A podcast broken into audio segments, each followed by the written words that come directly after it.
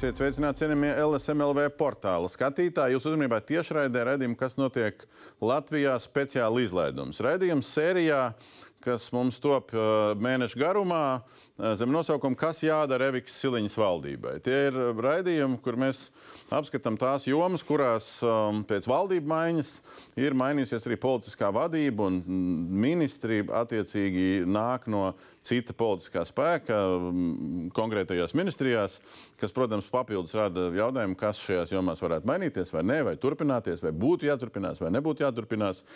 Visos sērijas raidījumos aicinām gan jaunu ministru, gan bijušo ministru, gan nozares lietpratējus, praktiķus, teorētiķus, nevalstiskās organizācijas un tam līdzīgi. Um, šo, protams, lai sabiedrība redzētu, cik, tās, cik tie viedokļi līdzīgi vai dažādi, šodien ir astotais raidījums šajā sērijā. Um, uzmanības lokā un fokusā ir ekonomikas resurs. Tātad tas, kas atbild par tautsemniecības konkurētspēju, par investīciju piesaistību, būvniecības mājokļu politikām, konkurences politikām, un tur vēl varētu skaitīt ilgi. Dalībnieki, jaunais ministrs Viktors Valēns, labdien! labdien. Uh, Eksministre, šobrīd saimnes deputāte Ilza Indriksone. Labdien. Un iepratīm žūrī, kā es saucu šitā pusi visos šais raidījumos, es pirms divi uzņēmēji eh, praktiķi investīciju fondā Change Ventures partneris un ilglaicīgi un ilgadīgi startupu, jeb jaunu uzņēmumu jomas uh, aktīvists Andris Kabērziņš. Labdien. Labdien. Viņam līdzās um, uh, Prīmeks valdes priekšsādātājs Jānis Ošlejs. Labdien. Akadēmiskais skats mums ir no Latvijas Universitātes biznesa ekonomikas vadības fakultātes asociētā profesora, kurš tagad vēl papildus tik, tikko sāk darbu fiskālās disciplīnas padomē, Jānis Priede.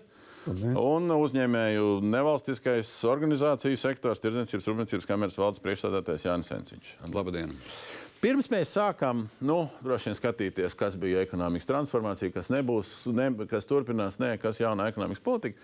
Es to sarunu gribu sākt Pišķi tā ar, ar līkumu, ar, ar, ar līkumu un cilpu caur iepriekšējo raidījumu. Mums bija iepriekšējais raidījums par labklājību un topošo um, turpinājumu vai, vai maiņām Uldim Augulim kļūst par labklājības ministru. Un tur bija viena epizode, kur um, ekonomists Edgars Voļskis, ekonomikas zinātņu doktors, kurš sociālās lietas daudz pētīs, runāja par tēmu darba spēks. Nevis, iespējams, šādā kontekstā, kā mēs te varētu runāt, bet darba spēks, lai funkcionētu uh, sociālās apdrošināšanas sistēma valstī. Nostamies video. Mīnus veidosies, ja mēs neatrisināsim šo problēmu ar darba spēku, pieejamo darba spēku, kas spēs ģenerēt atbilstošos nodokļus, lai mēs varam nosegt visas šīs sociālās apdrošināšanas vajadzības, kas ir risināmas. Un tad atbilde ļoti vienkārša, par kuru Kāpēc es pieminēju šos 25 gadus atpakaļ, kad arī veidoja šo sociālās apdrošināšanas sistēmu, kur 80% ir pensiju sistēma pēc būtības. Tad jau tad tika aprēķināts, ka pēc būtības ap, aptuveni 20. gadu vidū, tas 24, 25, 26 ap šiem gadiem būs nepieciešams katru gadu, katru gadu Latvijā ievest aptuveni 20 tūkstošu trešo valstu iedzīvotāju piecu gadu laikā aptuveni 100 tūkstoši, lai nodrošinātu sociālās apdrošināšanas sistēmas darbības turpinājumu. Nu, darba spēku un imigrācijas jautājums mums pēdējos mēnešos un pēdējos gados visu laiku virmo. Jautājums, vai mēs skatām darba spēku no ekonomikas politikas viedokļa?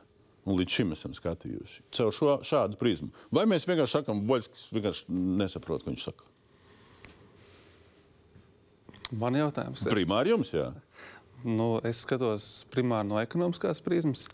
Nu, šie viņa aprēķini, ka vajadzētu 20,000, tad es gribētu vērst uzmanību, ka šogad tie ir bijuši jau 14,000, kas saņēmuši darba atļauju šeit, tie tie, kas ir mums uzskaitīti.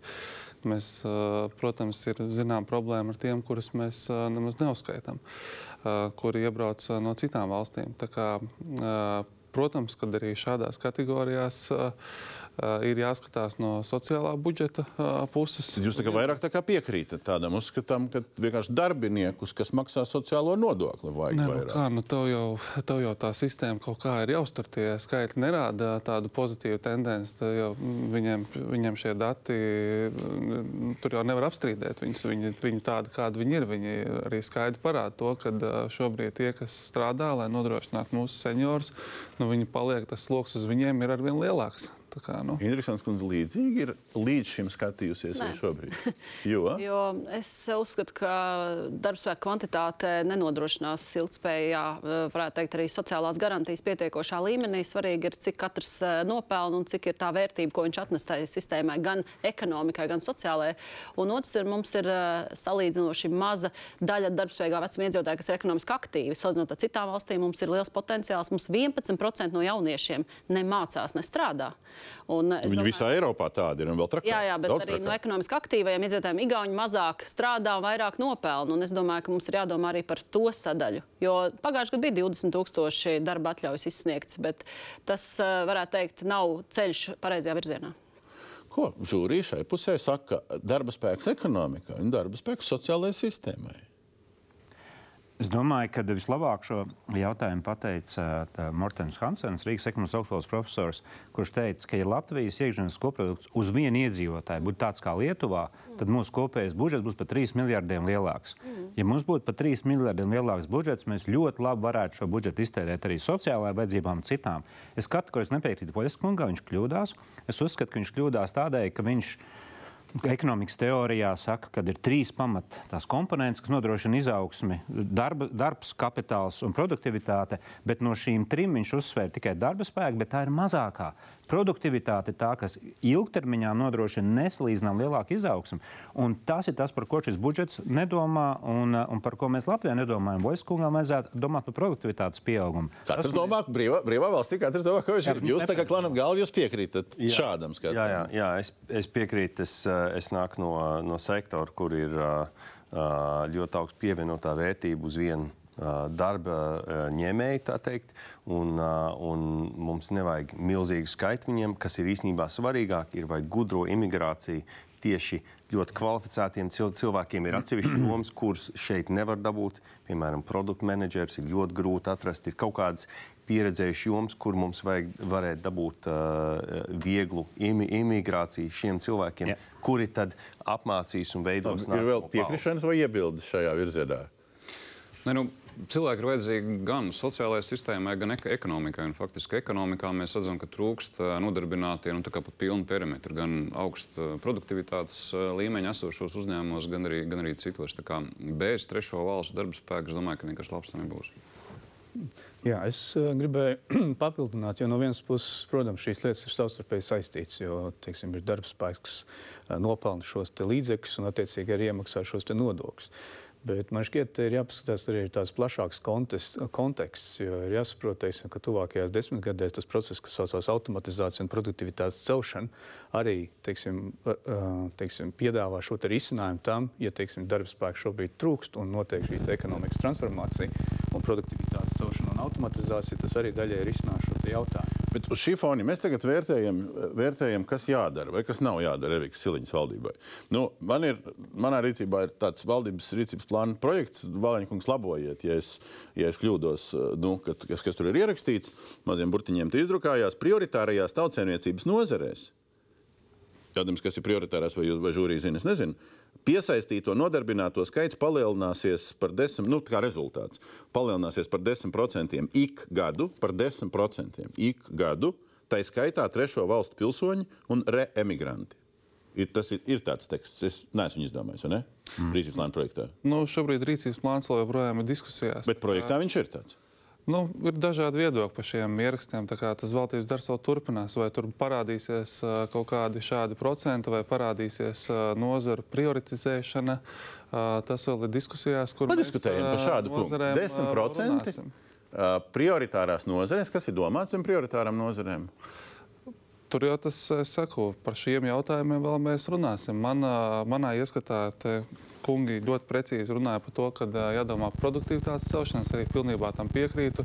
Jādomā par eksporta veicināšanu. Un, un ja mēs runājam par eksporta veicināšanu, tad nu, ik viens uzņēmums, kas eksportē, nu, viņš, ir, viņš ir dara labu darbu. Protams, jūs esat redzējuši šādu projektu, ja jums, jums neapspriež tādu. Nē, nē, nu, mēs esam arī priekšlikumus devuši, un, un, un drafts tur ir. Bet, jā, viņš ir tāds teikt, vairāk tehnokrātisks dokuments, bet paturpinot to domu par, par to, vai prioritārās nozares mēs nekad neesam prioritārās nozares kā organizācija atbalstījuši. Ir jāatbalsta kā principi, un, un tie ir divi karogi. eksports un produktivitāte, kas jau izskanēja, un neatkarīgi no tā, vai tā ir viena nozara, otra vai cita, jo to valdīšana nekad nevarēs pateikt. Visi, visi klāna galvas. Visi saka, ka prioritārās nozares nevajag. Vai Ošlaikungs atkal būs opozīcija? Es domāju, ka uh, prioritārās nozares.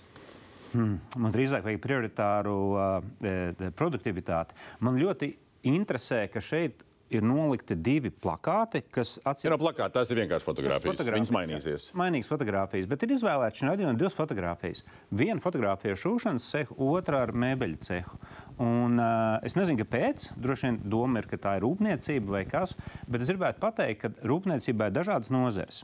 Un specifiski šūšana un mēbeļu galdniecība ir nozares ar viszemāko darba ražīgumu, tādēļ, ka šis darbs faktiski nav īpaši pātrināms. Šūšanā vispār cilvēks var sašot tik, cik viņš var sašot, un nav produktivitāte uzlabojama. Tad, kad produktivitātes līmenis ir tik augsts vai nepieciešamais, kad nevar samaksāt algu, viņus vienkārši pārceļās uz nākošo valsti.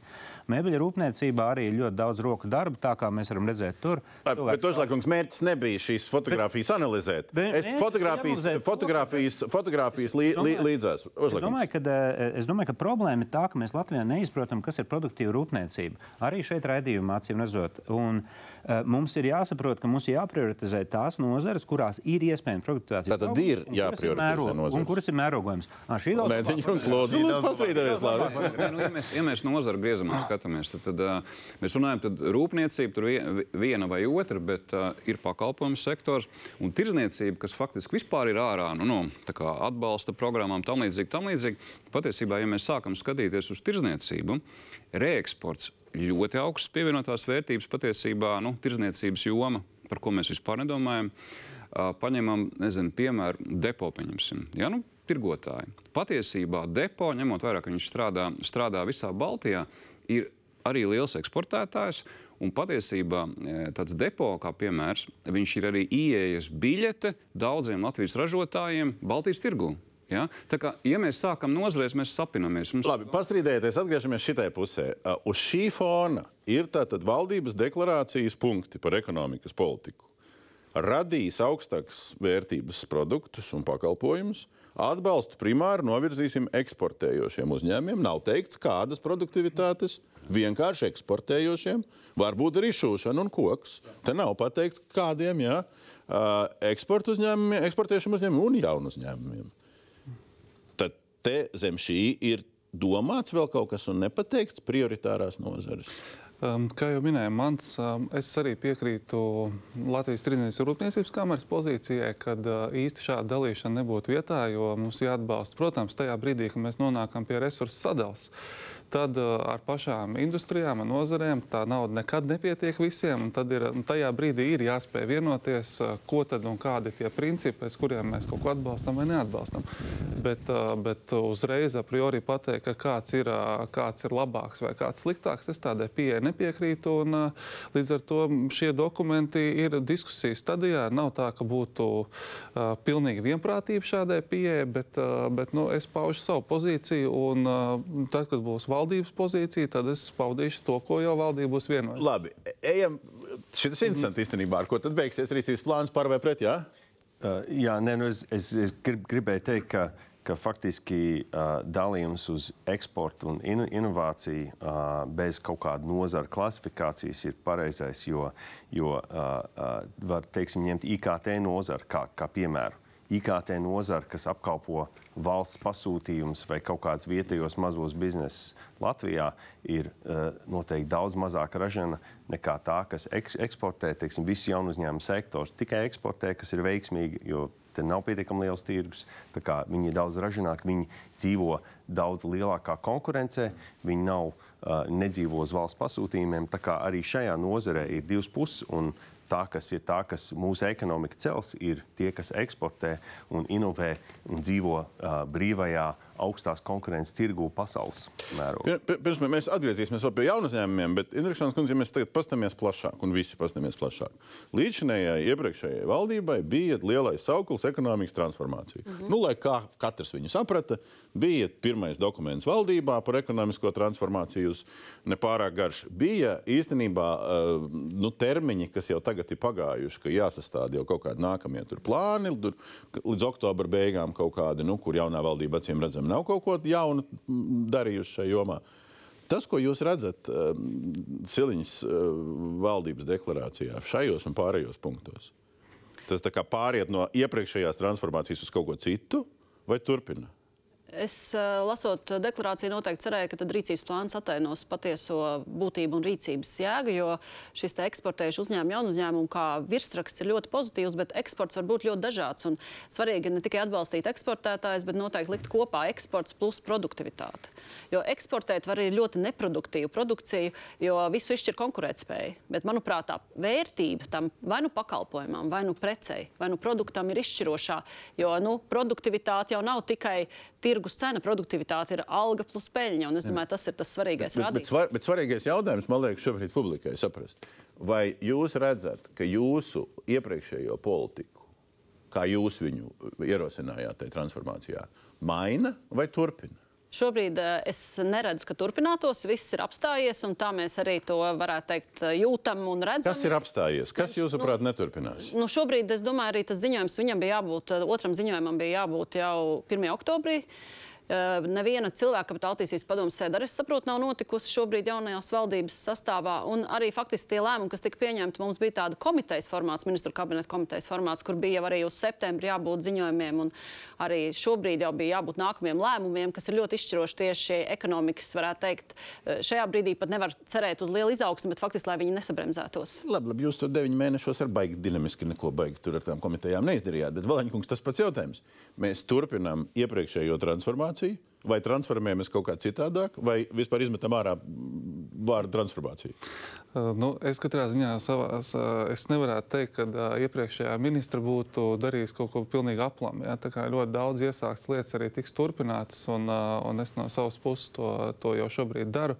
Par tām rīcībām, protams, mums ir ļoti dažādi procesi vienlaicīgi. Mums arī paralēli šobrīd iet valsts budžets, kas ir galvenā prioritāte. Bet, uh, Jūsu uzstādītie jautājumi ir dienas kārtībā. Tās, tās šīs visas eh, jautājumi tiek virzīti jau valdībā un eh, cilvēku kapitāla padomu arī. Protams, mēs nonākot ministrijā bija nepieciešams eh, salīdzinoši daudz jautājumu gūzmā, nepieciešams laiks, lai izvērtētu. Protams, mēs arī pielikām klāt uh, dažādas izmaiņas, varbūt uzlabojumus atsevišķās lietās, mēs virzam, virzam šos jautājumus tālāk. Un tie, protams, nav vienīgie jautājumi, kas mums ir dienas kārtībā. Nu, kurš cik ir iedziļinājies tajos dokumentos, kas ir sarakstīti? Es primāri skatos uz Priediskungu, varbūt, varbūt visi ir baigi izstudējuši. Nu, bija tātad prioritārie ne nozars, bet prioritārie rīcības virzieni. Ekonomikas transformācijas īstenošanai tā saucās tas dokuments iepriekšējā valdībā. Nu, Nu, kas jāturpina? Kas, kas, kur Valaņkungs varbūt aplam saka, ka nav jāturpina? Ja drīkst, es labprāt nu, atkal paskatītos uz lielo bildi vispār par šo te, nu, ilgtermiņa attīstību un ilgtermiņa konkurences kopumā. Jo skaidrs, ka tie uzsāktie procesi, kas ir saistīti piemēram ar tām pašām investīcijām, pētniecībā un attīstībā, ja, un, uh, Intriksons kundze ir norādījis, ka ir nu, pastāv tie riski vienmēr, ka mainās šīs valdības, kaut kas nopauzējās. Ja. Vienkārši par to sensitivitāti attiecībā uz investīcijām. Man te ir tāds grafiks, kas uh, parāda kopējais izdevums pētniecībai un attīstībai pasaulē no 96. gada. Tātad no 96. gada absolūti izdevumi. Katru gadu šī izdevuma vienmēr palielinājušies. Tas nozīmē, tas, tas vienkārši parāda šo te, uh, Nu, kā, kad valstis saprot, ka šīs investīcijas ļoti būtiskas šeit ilgtermiņa konkurētspējai. Ir bijis tikai viens gads, kad šis ir, ir redzams samazinājums, Covid gads. COVID gads jā. jā, tad visi pārskati ir, ir visādas citādas prioritātes, pēkšņi noņemam no tās ilgtermiņa attīstības. Bet kas ir noticis? Teiksim, ir tāds Eiropā, Eiropas komisija uztur tātad inovācijas snieguma šādu indeksu Ja? Tur ir tā, ka līdz tam Covid-19 gadā bija divas valstis, kas bija tās pieticīgi inovatori - Bulgārija un Rumānija. Nu, pārējie Latvija jau tur bija tā kā augstāk. Bet pēc šī Covid gadā, kas ir noticis, tā grupa ir pieaugusi, tā, tie vājie inovatori ir pieaugusi līdz septiņām valstīm. Tas ir 21. gadā, 22. gadā. Tas vienkārši parāda to, cik ļoti jūtīgi arī šī te, nu, inovāciju šī sistēma attiecībā pret jebkādu veidu vai finansējumu samazinājums vai kaut kādu Labi, un, aptur, un tagad no šīs bildes atgriežoties pie situācijas iepriekšējā valdība un jauna valdība, kurai ir kaut kas jādara vai nav jādara, ko jūs sakat? Nē, tāpēc saku, ka šeit ir ļoti rūpīgi, nu, vai tam nopietni, jā, ļoti nopietni vajadzētu izturēties. Tas, kas ir tās politikas, kas ir kopumā ieturētas iepriekšējos gados, jā, un kas mums būtu noteikti jāturpina. Jo, uh, Šeit vienmēr būs tā problēma par šiem politiskiem cikliem un ekonomiskiem cikliem. Nē, bet, runājam, katram- bet runājam konkrēti. Nu, Nu, jā, iepriekšējais mēs jau šai studijā ap, apspriedām vasarā šo dokumentu. Šeit ir rakstīts punkts inovācijas. 4,2 punkts bija mm -hmm. sagatavota dokumentā. Uh, un tur bija uzrakstīts, ka par centrālo elementu inovāciju ekosistēmā var kļūt valsts kapitāla sabiedrības. Man uzņēmēji pēc tam zvanīja pēc tā raidījuma un bļāva, nu, ka tas ir stulbums. Nu, piemēram, vienkārši tik vienkārši. Ja? Nē, tas tā iecer uzņēmēja jautājums, no kuras puses. jo Tā, Privātie, protams. Jā, jo tā sadarbība jau valsts kapitāla sabiedrībā notika, bet tieši otrādi. Viņas savā kaut kādā, varētu teikt, lokā turpināja to, un valsts kopumā, valsts ekonomika, arī privāti uzņēmumi no tā neiegūto vilkli, eh, un viņiem faktiski bija jāmaina. Viņi tur satikās, vairākus gadus jau strādāja ar savām inovācijām, ar savām vajadzībām. Svarīgi bija salikt kopā ar inovāciju pārvaldību, kurš ir privātā sektorā, man liekas, ir daudz aktīvāk. Bet faktiski, lai valsts kopumā izdarītu, tas resurss būtu jāapvieno. Tā bija tā ideja. Bet par inovācijām es teikšu tā, inovāciju, eh, varētu teikt, ekonomiskā puse, kas saistās ar to pāreju jau no tādas, varētu teikt, eh, zinātniskas pētniecības uz to praktisko pielietojumu. Tur mums ir eh, iesākts veiksmīgi šis inovāciju fonds, un diemžēl, piemēram, šī gada projektā, budžeta projektā nākamajam nav neviena papildus finansējuma tai sadaļai. Pērņikungs, ko jūs, jūs un Valaņkungs nepiekrīt, ka nav neviena? Nu, nav. Tur ir ā, 6 miljoni, tā skaitā inovāciju fonda attīstībai, kur mēs noguldīsim tieši tik, cik viņiem pietrūks, lai viņi varētu attīstīt jau to, kas ir bāzē. Bāzē nav noņemts neviens eiro, tā kā tur nauda ir projekti. iet Nē, tur ir tas, kas bija iepriekš ielikts, jauns nekas nav klāts. Bet, ā, bet nu, jūs, jums bija viss iespējas turpināt šo darbu. tā Kā, bet, ā, bet, bet, bet 12 šeit, šeit tā bāze, bāze ir ielikt iekšā, bāze saglabājās, nesties- nestoties to, kāds, kādas bija politiskās diskusijas par nākamā gada budžetu. un Plus vēl tam būs iespēja pievienot papildus naudu klāt. Neteiktu, ko jūs izlasot to punktu 23. Ja? Veidosim inovācijas ekosistēmu, cieši sadarbojoties publiskam, privātam, akadēmiskam un nevalstiskam sektoram. Ko jūs tur izlasat, vai ko jūs tur nesaprotat? Nu, it kā jau teikums ļoti skaidrs. Ā, Jautājums, ā, protams, ir, kas ir tās rīcības, kas seko. Un Es, bet es domāju, ka ir, ir, ir ā, pāris svarīgas lietas, ko es varu pārkomentēt šeit.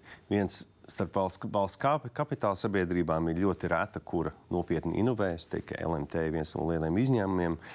Lielākā daļai iet ļoti grūti ar šo, un es nesagaidu to kā lielo vilkmi. Otrs ir tas, ka ne jau valdība taisa uzņēmumus, uzņēmēji taisa uzņēmumus, viņi veido darba vietas, viņi attīsta eks eksporta valdības lomu. Pirmā svarīgākā loma ir pēc iespējas maz stāvēt ceļā. Otrā svarīgākā loma ir kaut kur piepalīdzēt.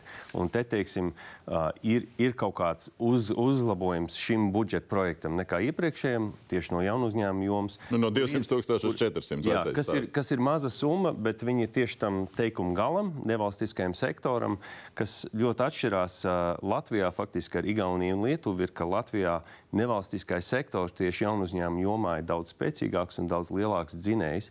Mēs faktiski tos 400 tūkstoši, kas ir smieklīgi naudu budžetam, varam daudz efektīvāk izlietot nekā, piemēram, mūsu kaimiņi. Bet, ja mēs aizķeramies pie tiem jaunu uzņēmumiem, tad, tad Latvija arī starptautiskajos svaigos reitingos ir stipri tālu nekā kaimiņi. Jā, tur 39. vieta šobrīd mums ir jaunākajā tajā ekosistēmā, un kaimiņi tur ir 11. vietās. Tad uz šī fona, tad kas būtu uh, tie primārie līdzekļi un kas būtu tas nu, uzstādāmais rezultāts, ko mēs gribam sasniegt?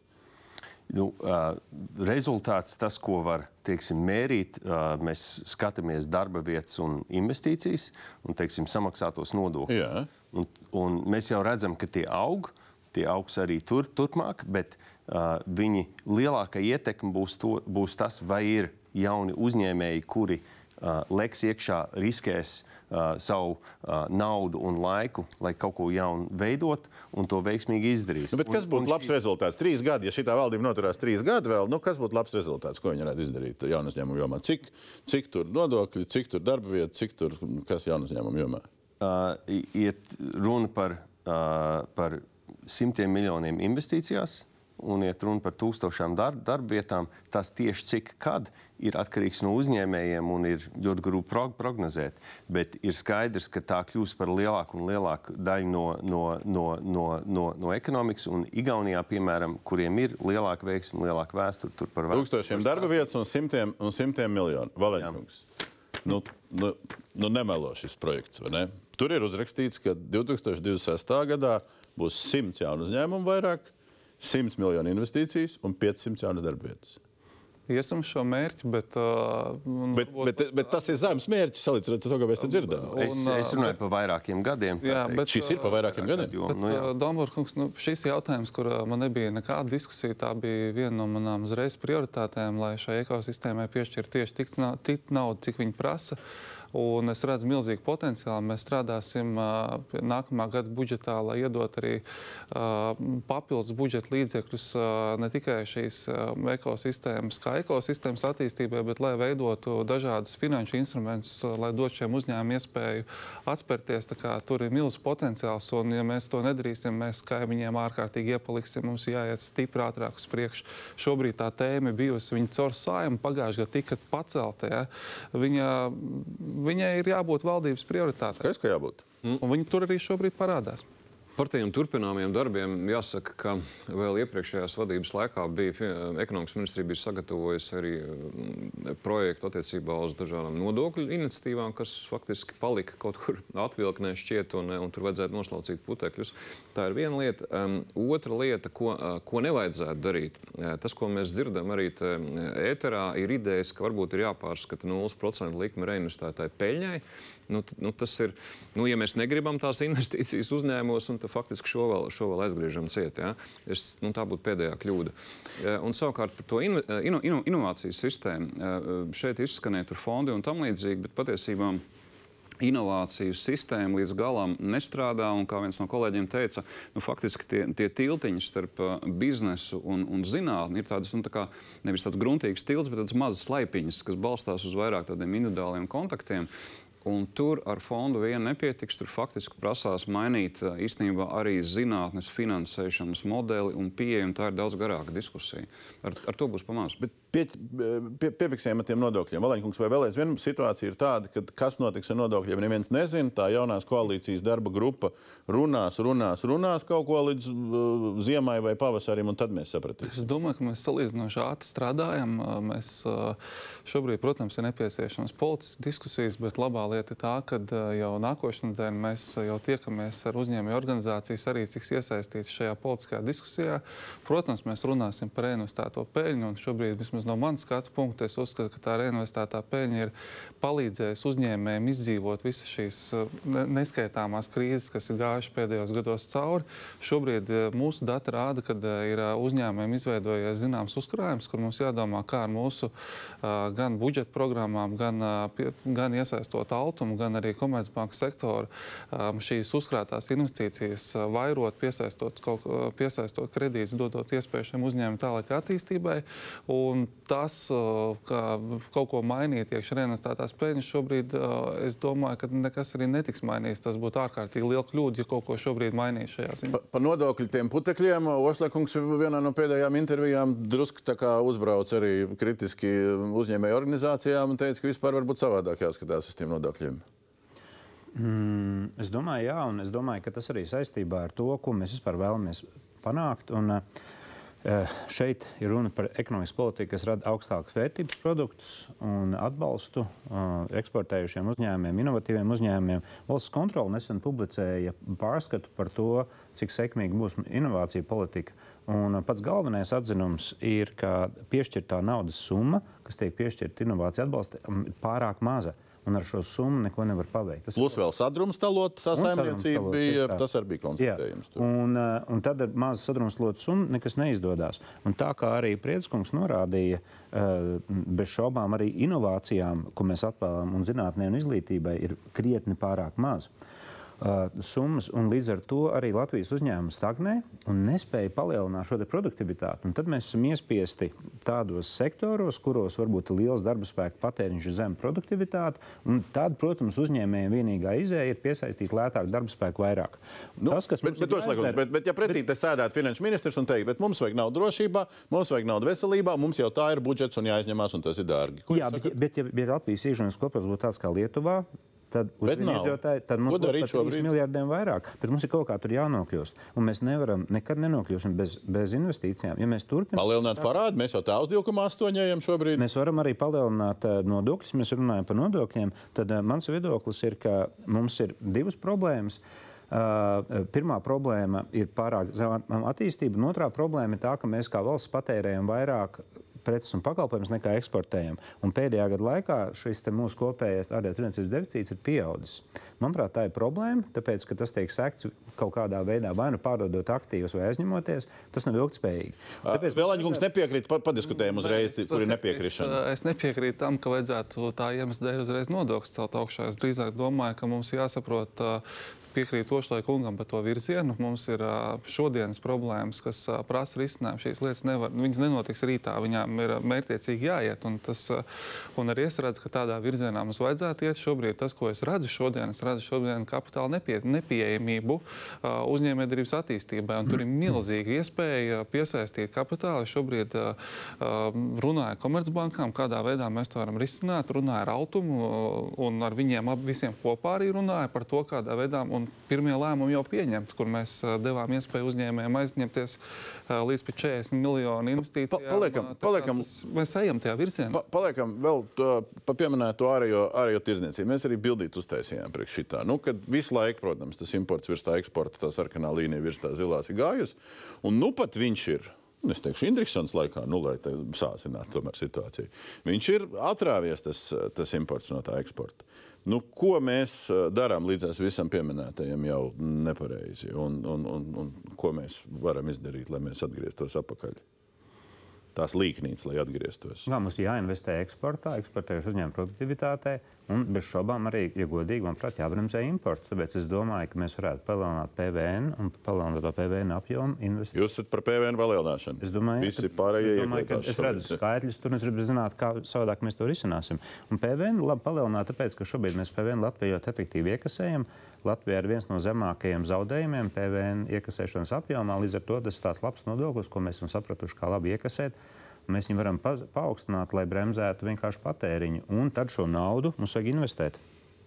Par uh, eksports ir atslēgas jautājums. Mēs to esam dienu no dienas atgādinājuši un turpināsim atgādināt. Bet tur ir divi, divi virzieni. Viens ir, viens ir panākt to, lai, lai esošie uzņēmumi, nu, kas šobrīd ir, eksportē vēl vairāk. Tas ir viens virziens.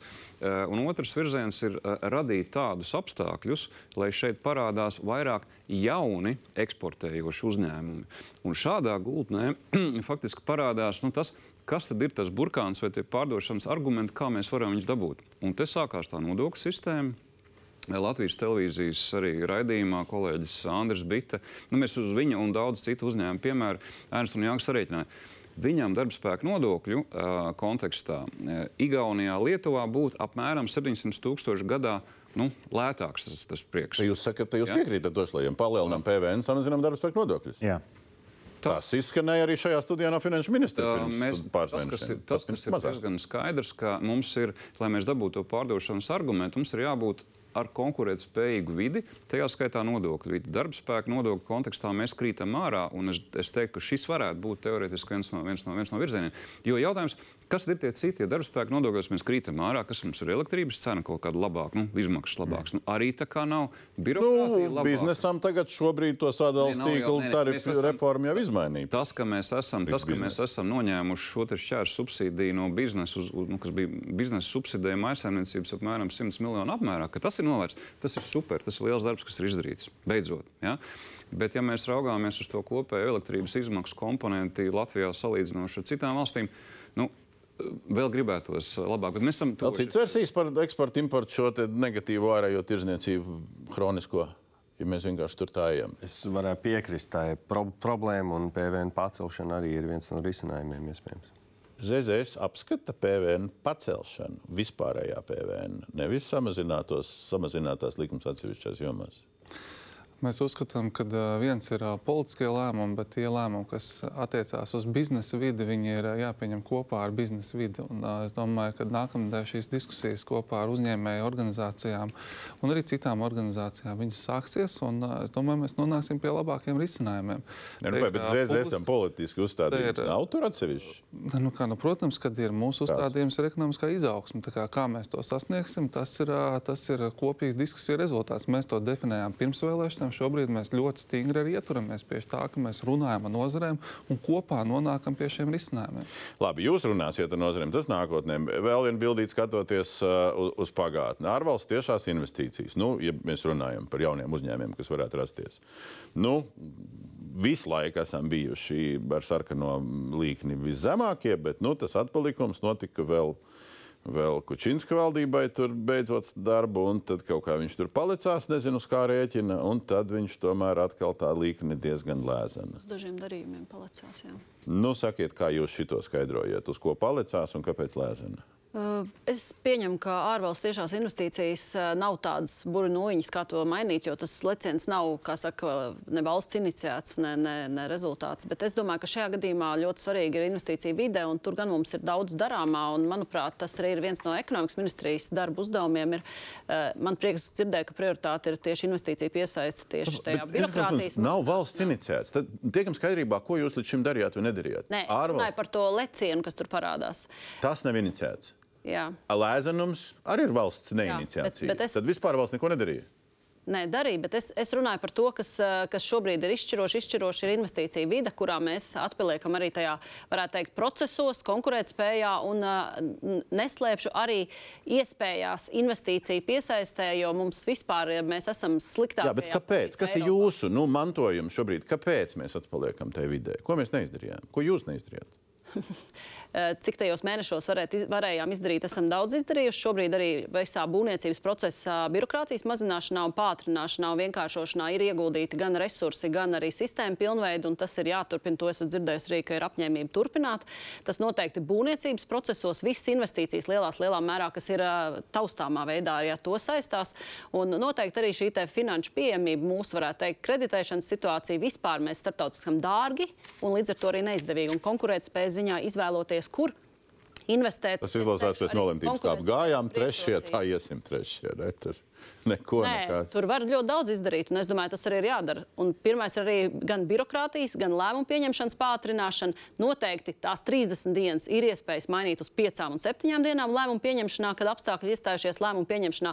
Un tā cīņa ar to, varētu teikt, pārregulāciju un pārāk lielo valsts kontroli un neusticēšanos, tā ir tā, ir tā lielā cīņa, kas ir jāveic ne tikai ekonomiski. Tas vēl kungs piekrīt un neiebilst. Es, protams, ka piekrītu, redzam milzu perspektīvu šajā ziņā, jo mums tie rādītāji, kā jūs redzat, viņi ir ārkārtīgi zemi. Un, viņa zemi daudzās jomās, un arī pa birokrātiju mēs gan tas, kā mēs operējam, ar cik mēs pavadām laiku aprēķinot nodokļus uzņēmējiem, cik pavadu laiku. Ja, nu, šajos rādītājos ir milz, milzu daudz iespējas, tie rādītāji slikti, bet es to redzu kā milzu iespēju, kur mēs varam uzlabot un kļūt labāk. Un Jautājums, vai mums ir plāns, ko darīt? Iespēja ir. Protams, ka ir. Iespējas var izniekot, ja mums nav plāns. Es varu uzteikt, iepriekšējā ministra ir daudz, kas uzlikts jau uz galda, un mēs turpinam šos darbus. Tie ir jautājumi. Kas ir pirmais valēņu darbs tāds plānots investīciju vidus uzlabošanai? Uh, nu, Pirmkārt, jau mums ir jādomā par šiem pašiem būvniecības jautājumiem, ko jau pieminēja Indriksons kundze. Nākamais uh, ir uh, tas attiecībā uz Latvijas Investīcijas attīstības aģentūras darba efektivizēšanu, uh, kādā veidā viņus padarīt teikt, fleksiblākus investīciju piesaistē. Protams, arī šīs vidas radīšana lieliem investoriem, par ko jūs runājat. Mēs... Super, trīs punkti. Interesanti, uzreiz apspriežam. Būvniecība, lielā darbība, kas tagad ir aģentūra bez vadības, ja šobrīd palikusi, un lielie. Jā, nē, top 3. Es domāju, ka eh, nu, investēt, mm, investīcija jau nenozīmē uzbūvēt rūpnīcu un, un pieņemt darbā cilvēkus. Investīcijas, kas mums tiešām reāli interesē, kvalitīvas investīcijas, tās ir augsts pievienotās vērtības produkti. Un, uh, tur, es domāju, ļoti kritisks jautājums ir, vai ir pieejama atbalsta sistēma šajā valstī, uh, un vai pieejama zinātnes ekosistēma apkārt, ar ko sadarboties. Un tad ir interesanti investēt, arī interesanti būvēt mikročipu rūpnīcu. Un mēs nevēlamies nu, kaut kādu nezinu, šūšanas sekam, ir svarīgi ātri aizvērt, atvērt uh, savu ražotni. Mēs vēlamies mikročipu rūpnīcu. Un tāpēc, manuprāt, primārajai lietai būtu jābūt tam, ka mēs palielinām atbalstu e, un atbalstu tieši inovācijām. Kopumā es lēšu, ka šogad vajadzētu vismaz 300 miljonus papildu no budžeta naudas atvēlēt inovācijām, nākamajā 400 un pēc tam 500, lai mēs sasniegtu Nu, saprātīgus šitādus apjomus. simtus varētu uzskaitīt, bet, Taisnība, bet, bet ja mēs no esošā, ja mēs izējām no esošā, tad, tad līdzinējā politika, kas šobrīd nu, nav dzirdēts, ka baigi paredzēts ja mainīt, ka ir tātad lielo investīciju projektu atbalsts. Ja tev ir vismaz 10 miljonu investīciju, tad UN uh, bija UN atlaide. Nu, tas griežās tas vecais formāts. Ja, ne? Jā, bet Nu, to ir es domāju, ka vajadzīgs, tas, kas ir tiešām vajadzīgs, tik daudz UN atlaidi. Tā, lielās multinacionālās korporācijas tāpat nemaksā UN realistiski runājot. Tas, kas viņam tiešām ir vajadzīgs, ir zinātnes atbalsts. Tas varētu būt izšķirošais kriterijs un ir izšķirošais kriterijs. Un Labi, citi viedokļi. Top 3 ministrs nosauc top 3 lietas. Ko? Investīcija piesaisti ir jāuztver kā tāds pārdošanas process savā ziņā, un tur ir divas sastāvdaļas. Tad viens, um, lai, lai, lai pārdot, uh, ir nepieciešams tas, ko pārdot, tas produkts, un te ir jautājums par to, kāda mums ir tā biznesa vide, ar, atkārtojos, ja, ar visām tām labajām un sliktajām lietām, pie kā ir jāstāsta tas viens. Un otrs ir tāda aktīvā pārdošana. Un, ja mēs runājam par aktīvo pārdošanu, labi, mums ir lijāta arī smuka bildīte. Ja. Lijā ir bez vadības, viņa faktiski dreifē šobrīd. Ja. Lijā strādāja labi, strādāja slikti. Sāka strādāt labāk, Lijā faktiski aizsākās, un tā ir vēl viena lieta, kas šodien ir uz galda. Faktiski tas, ko Lijā iepriekšējais vadītājs minēja, ka viņiem prasītos lielākajai dinamikai cits juridiskais status, tas ir pa ceļam pagaidām pazudis. Tas tiešām palīdzētu, manu, manuprāt. Ja? Tad faktiski jāatrod labs uh, lijā vadītājs, uh, jāiet tālāk attiecībā uz, uz tādu labāku juridisko statusu lietu. Tas ir viens. Uh, un otra lieta, patiesībā tas, ko mēs arī jau nezinu, tūkstošu gadus atgādinām, ideālā versijā arī katra pašvaldība būtu maza lijā. Ko var panākt savukārt caur nodokļu grozījumiem, lai pašvaldībai aiziet daļa no biznesa nodokļiem? Ja tas tā būtu, tad mums būtu gan, nu, faktiski bez lijā būtu arī nu, visas pašvaldības būtu tādas mazās lijā. Ja? Tad arī tas Man, man pa lijā vis, visjautrāk liekas, liekas pasākums, ko valsts kontrole bija secinājusi, ka viņiem visām visādām aktivitātēm, programmām 25 internetu vietnes sarad, saradītas, um, izveidošana iztērēts pusmiljons, uzturēšana ceturdaļa miljonus gadā. Man liekas, ka tas tā kaut kā, nu, kaut kā ne tā, vai ne? Nu, Interesants, ka viņi sēž un nevārdu nesaka, viss normāli. Ja? Nē, viņi liek visu kopā. Tagad es ceru, ka viņiem tas arī izdosies pabeigt šo te, lai saka, visu uzņēmēju pakalpojumu, e, interaktīvo vidi, ko likt kopā un proaktīvi piedāvāt jau pēc parametriem, ko uzņēmējs būs saka, ie- ielicis vai kas būs no datubāzēm salasīts viņiem vajadzīgos pakalpojumus. Viņš šobrīd veido šo kopīgo sistēmu, bet nu, es ceru, ka izdosies pabeigt veiksmīgi. Es, es par tām ārvalstu tiešām investīcijām mm. un, teiksim, skatoties uz uh, mūsu Baltijas kolēģiem. Man Šķiet, ir ļoti interesants, uh, nu, teiksim, kā piesaistīt šīs investīcijas arī saistībā ar šīm te, nu, piemēram, tehnoloģiju attīstībām, kas notiek ārējā vidē, piemēram, tāpat bloķēdes tehnoloģijas un fintech. Un tas, ko piemēram Lietuva izdarīja, nu, bija pieminēta pārregulācija. Latvija pēkšņi šiem ārvalstu investoriem nebija pievilcīga tieši tā regulējuma dēļ, un kā viņi sadarbojas ar šo regulātoru. Tas nozīmē bez nodokļiem, darba spēka pieejamības un visa cita ir arī jautājums par to normatīvo uh, regulējumu un attiecībām ar šo regulātoru. Un, fin, un Lietuva, piemēram, ļoti daudz piesaistīja šos te fintech uzņēmumus, un tie darbinieki, kas tur mēs papētījām mazliet, viņi tās vidējās algas ir pat 10% virs banku sektorā strādājošiem. Tas nozīmē, ka tur ļoti jaudīgs tāds, kā sakot, vidusslānis attīstās, un viņi ir tie, kas maksā šos ļoti labos nodokļus. Tas nozīmē ļoti mērķtiecīgi skatoties ārējā vidē, kas ir tās, piemēram, tas jaunais vilnis. Tad mēs nepiesaistam rūpnīcas, kas šuj piemēram, kaut kādu ar zemāku pievienoto vērtību, bet, piemēram, finanšu tehnoloģiju uzņēmumu. Jā, bet nu, tas ir tagad Bet, Lietuvā. bet, bet tur vēl ir niša Baltijā, pēc tam, ka lietuvieši tiešām ir izrāvušies. Jā, un Nu, es, kva- Kvanta datori droši vien es nākošais. domāju, ka ir, te ir jāuz, jāuzmanās. Es esmu vispār liels skep, skeptiķis par to, cik valsts var šeit mainīt. Uh, un ir svarīgi, ka tieši attiecībā uz investīcijām visefektīvākais mehānisms ir tas, kas uh, vairo privātā investora uh, lēmumu un viņa investīciju. Ja? Tā kā līdzinvestīcija fonds, piemēram, kas tikai seko, kas nedara pirmo lēmumu, bet ja privātais investors ienāk un viņi liek līdzi uz izdevīgiem nosacījumiem, kas nozīmē, ka privātam ir vēl lielāks iegans ieguldīt to, to, to naudu. Un šādas investīcijas, šādas formas ir labākas. Ja mēs runāsim par kaut kādām jaunām valsts bankām, tad es domāju, tas ir vispār trakums. Mums vajag, mums vajag runāt par to, kā privātam investoram radīt vēl lielāku interesi, te nākt iekšā un padarīt to, to burkānu. ā, Jaunas valsts bankas trakums paklau. Šis lielais investīcija fonds ir tas piemērs, kā mēs eh, tajā brīdī, kad viss sabremzējās, investīcijas arī pēc Covid, eh, varētu teikt, bija saprotams, ka aizvien mazāk un visi investori gaidīja šo lēmumu pieņemšanu. Atlika, atlika. Mums bija Lijā ziņoja, Jā, ka mums un- ir daudz procesā projektu, bet nekas nenotiek. Un Altuma fondus un un bija- ieviest pēdējā valdība nevarēja un nevarēja. Un Varējām, varējām pat iekšē, piepriekšējā saimnes varējām pat uh, Altuma fondus palaist. projektu uzņēmējs atzina, ka tieši šis lielo investīciju fonds bija tas pamudinājums pat to projektu pārcelt par trīs gadiem ātrāk sākt īstenot un īstenot divus projektus paralēli, jo tas burkāns nostrādā, bet tur arī bija produktivitāte, jaunas darbvietas ar augstu pievienoto vērtību, kas ir, nu, varētu teikt, nevis dod vienkārši investīcijas, bet dod, lai būtu tā produktivitāte. Manuprāt, tas ir labs instruments. Par risku kapitāla fondiem, piemēram, es domāju, tas arī ļoti izšķiroši. Teiktu tā, valstī pašai nav jāinvestē, bet jānodrošina apstākļi gan regulējuma ziņā, gan šajā atbalsta ziņā, bet vienmēr skatoties ilgtermiņā. Jo īstermiņa investīcijas vienkārši nekustamā īpašumā noteikti nav tā prioritāte. Jā, un vēl par izaugsmas kapitāla fondiem ir viena svarīga lieta, ko saprast. Uh, uh, mums, teiksim, tikko. Tikko nesen ir lēmums par vairāk desmit miljonu investīciju vienā Latvijas jaunu uzņēmumā. Viņiem vispār nevajag runāt ar Lietu. Tam investoram nav jārunā ar nevienu ministru, nevienu prezidentu, nevienu premjeru, neko. Viņiem, ne, viņiem interesē uzņēmēji. Tas, ko viņi var radīt, viņiem interesē piezvanīt klientam Amerikā un, pa, un pajautāt tam klientam, vai tas ir tiešām konkurētspējošs uzņēmums. Tā kā Tas ir. ta- Tas ir Vai valsts birokrātija, ko mēs te pieminam, viņiem Jā. arī pilnīgi vienalga?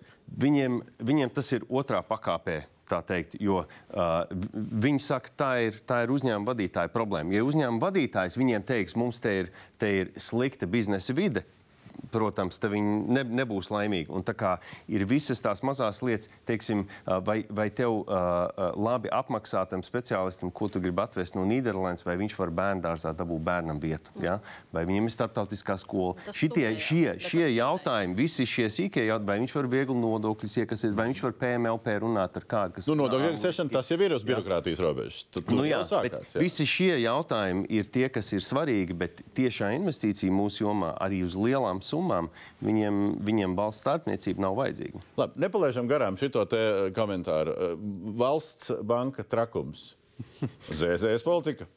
Es, es neteiktu, ko, ka trakums, bet uh, es teiktu, ka uh, ir rūpīgi jāizvērtē. Šobrīd mēs redzam, kādā veidā mēs varam veiksmīgi ar automu esošiem instrumentiem atbildēt uz tirgus nepilnībām. Un šobrīd, ko jūs minējāt, uh, pateicoties reinvestētai peļņai, virkne uzņēmēju ir uzkrājis kapitāls, uh, kuru, mēs, uh, kuru mums pienākums ir atrast veidu, kā mēs viņu varam pierunāt, viņus ieguldīt at- iekšā ekonomikā un ar finanšu instrumentiem palīdzēt vēl. Bet, uh, bet, Saprotam, kur ir trakums, kur nav. Kas ir trakuma būtība? Nē, nu, trakuma būtība būtu, ja, ja mēs tagad domājam uztaisīt jauno hipoteku banku, jaunu, jaunu valsts banku, kas, Nē, nē. kas, kas tagad it kā radīs, uh, radīs konkurentu privātām bankām. Uh, mums ir jārisina konkurences problēmas Te, savādākā ir- te veidā. ir jāsaprot, protams, tā viegli politiski to teikt, bet jāsaprot to, ka Altums šobrīd piedāvā ļoti labus instrumentus, vairāk kā 40 programmas, un dažas no tām programmām ir ar grantu instrumentiem, kuras bankas izveidas gadījumā nebūtu vispār par viņām mēs varētu nerunāt, viņas nebūtu iespējams vairāk. Piemēram, programma ar kapitāla atlaidi, bankas, iekšā bankas ekosistēmas, tas ir neiespējami. Ja mēs varam runāt, mums jānodefinē, kas ir tās problēmas, kāpēc mums vajag. Protams, mums vajag, mēs šobrīd strādājam par, pie jautājumiem par jaunu banku iesaistu vispār Latvijas tirgu, banku tirgu un par dažādiem risinājumiem. lai Tieši tā, es gribēju teikt, pat vairāk. Bet, uh, bet šobrīd es domāju, šajā gadā jau saimā nonāks iniciatīvas par to, kādā veidā veicināt jau esošo banku konkurētspēju. un tās Tie gan jautājumi nav kustināti. Un, un, Jūs atzīstat, un, ka kaut kur varētu iestāties trakums tomēr? Un, uh, un, par, un viedokļa? par trakumu, piemēram, nu, privātu personu kontu apkalpošanu. Protams, tas ir trakums. Tās cenas ir ārkārtīgi augstas. gan uzņēmēji, Un Domberkungs, un šeit jau parādās. Te gan mēs varētu domāt par to, ka var, varētu veidot uh, varbūt pat atsevišķu struktūru, ņemot vērā visas autonomu kompetences un izveidot tiešām tādu vietu, kas varētu samaisīt to dīķi, kas ir esošo banku sistēmā sistēmā, lai piespiestu viņām sniegt lētākus pakalpojumus. Jo kādam tas ir jāizdara. Šobrīd tie Protams, pakalpojumi cena ir ārkārtīgi dārga. Ne, nu, es, Un- es, es piekrītu, ka Altumam ir dažādas labas un vērt, vērtīgas programmas. Altums gan tiek operēts ļoti pie, piesardzīgi. Altumam vajadzētu būt krietni agresīvākam tajā formā, kā viņš atbalsta uzņēmējus, kā eksportējuši uz, uzņēmējus, kā teiksim, Primeks šeit. Ja?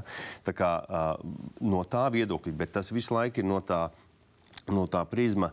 Ko dara privātais uzņēmējs, kā mēs varētu palīdzēt viņiem samazināt risku, līdzinvestēt vai kaut kādā veidā. Bet, ja mēs tagad, teiksim, nezinu, uh, privātu personu banku, konkurējošu Nē, banku. tas nav domāts privātu tas ir- personām, tad jūs esat pārpratuši. Tas nav domāts, ka tā būs vēl viena banka, kur katrs aizies savai pensijai kontu atvērt. Nē, noteikti nē. Bet es gribēju uzsvērt, ka ļoti labi ir automa instrumenti. un Es pilnīgi piekrītu, ka viņai automa politikai bija jākļūst agresīvākai, ko mēs arī Un vienojamies jau ir Un daudz. nebija, un bija sadrumstalot. Nē, šobrīd ir daudz vairāk programmu, kurās arī šie nosacījumi ir uzlaboti un pilnveidot. Bija sagatavot priekšlikumu. Es ceru, ka jaunais ministrs viņus nav pazaudējis tajos atvilknēs un datoros eh, noņemt nosacījumu pie automa programmām, ka jāiet vispirms uz Komercbanku prasīt atļauju vai varēs automā paņemt, jo tur bija bankas reāli teica, nu, ko jums tas automs dod un nedod šos saskaņojumus, kas faktiski bremzēja uzņēmējiem iespēju savu projektu īstenot.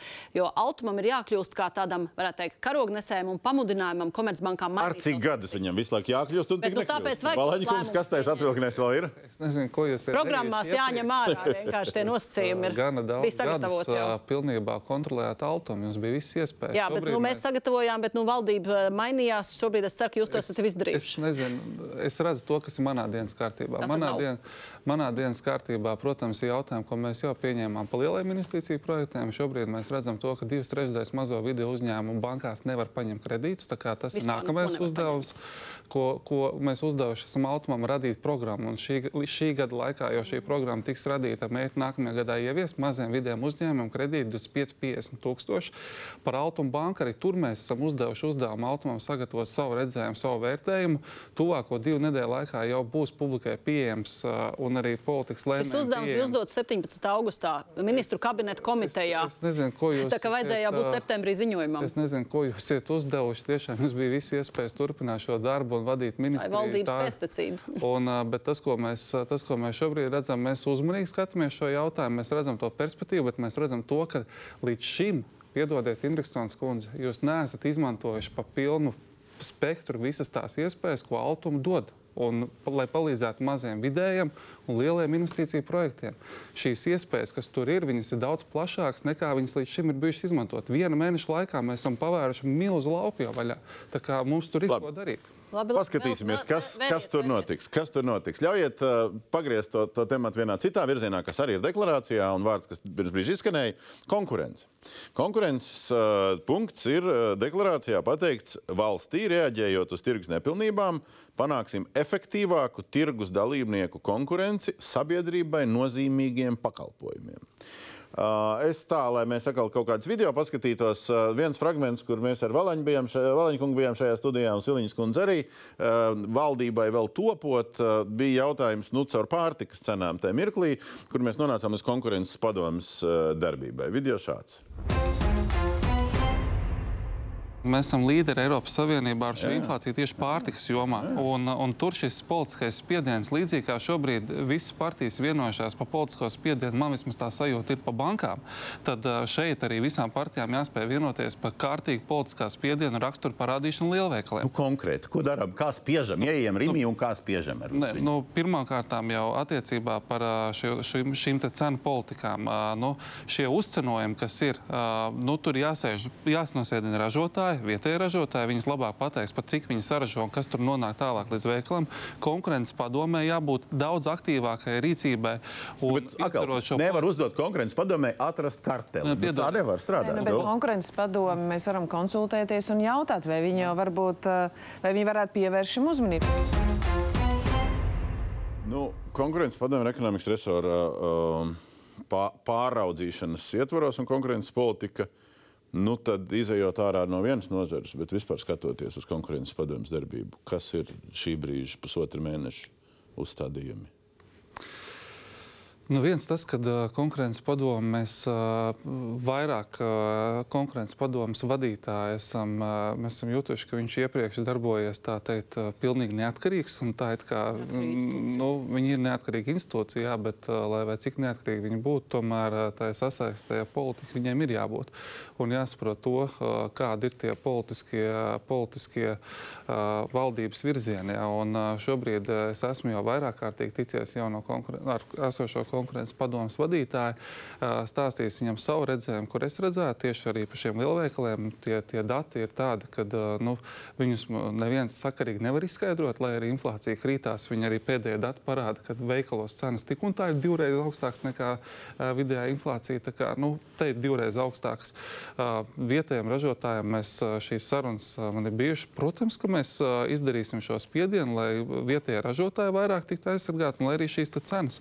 Paldies! Paldies, padiskutējam. Šobrīd, pēc būtības maina šo tirgu, bet nu, jādomā par to, kādā veidā šo konkurenci veicināt. Tas, ka tur kaut kas būtu kārtībā, nav tāpēc arī ir šāds ieraksts valdības deklarācijā. Padiskutējam, kas nav kārtībā un ar kādiem instrumentiem, tā skaitā konkurences padomas darbībā, tā skaitā nu, jau... darbībā, kas ir saistīta ar politiku. Nu, pagaidiet, jau šobrīd man pirmie secinājumi jau ir ar konkurences padomu nonākuši. Es redzu to, kādā veidā negodprātīgi praksa tiek īstenot lielveikalos, kur liek Latvijas zīmolu virsū. Un jums vajadzēja pasakot šīm lietām ātrāk. Latvijas zīmola liek virsū sazina kādām precēm. Nu, tādi gadījumi šobrīd ir fiksēti. Ka, kas, nu, ir, kas ir skats? Prieks, kungs ir pētījis konkurences, konkurences lietas. Ministrijas pakļautības iestādes. Sadaļa ir par zīmēm nepreizām.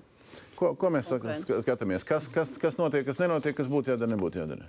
Jā, nu, konkurences jautājums ir tiešām ļoti, ļoti būtisks. Es jau minēju pirms raidījuma, ka man šķiet, ka pēdējā laikā uh, arī konkurences padomu ļoti bieži konstatē šīs visādas aizliegtās vienošanās, jo tas vienkārši norāda uz to, ka arī tirgu šo dalībnieku skaits varbūt ir nepietiekami liels, kad ir pietiekami viegli arī vienoties.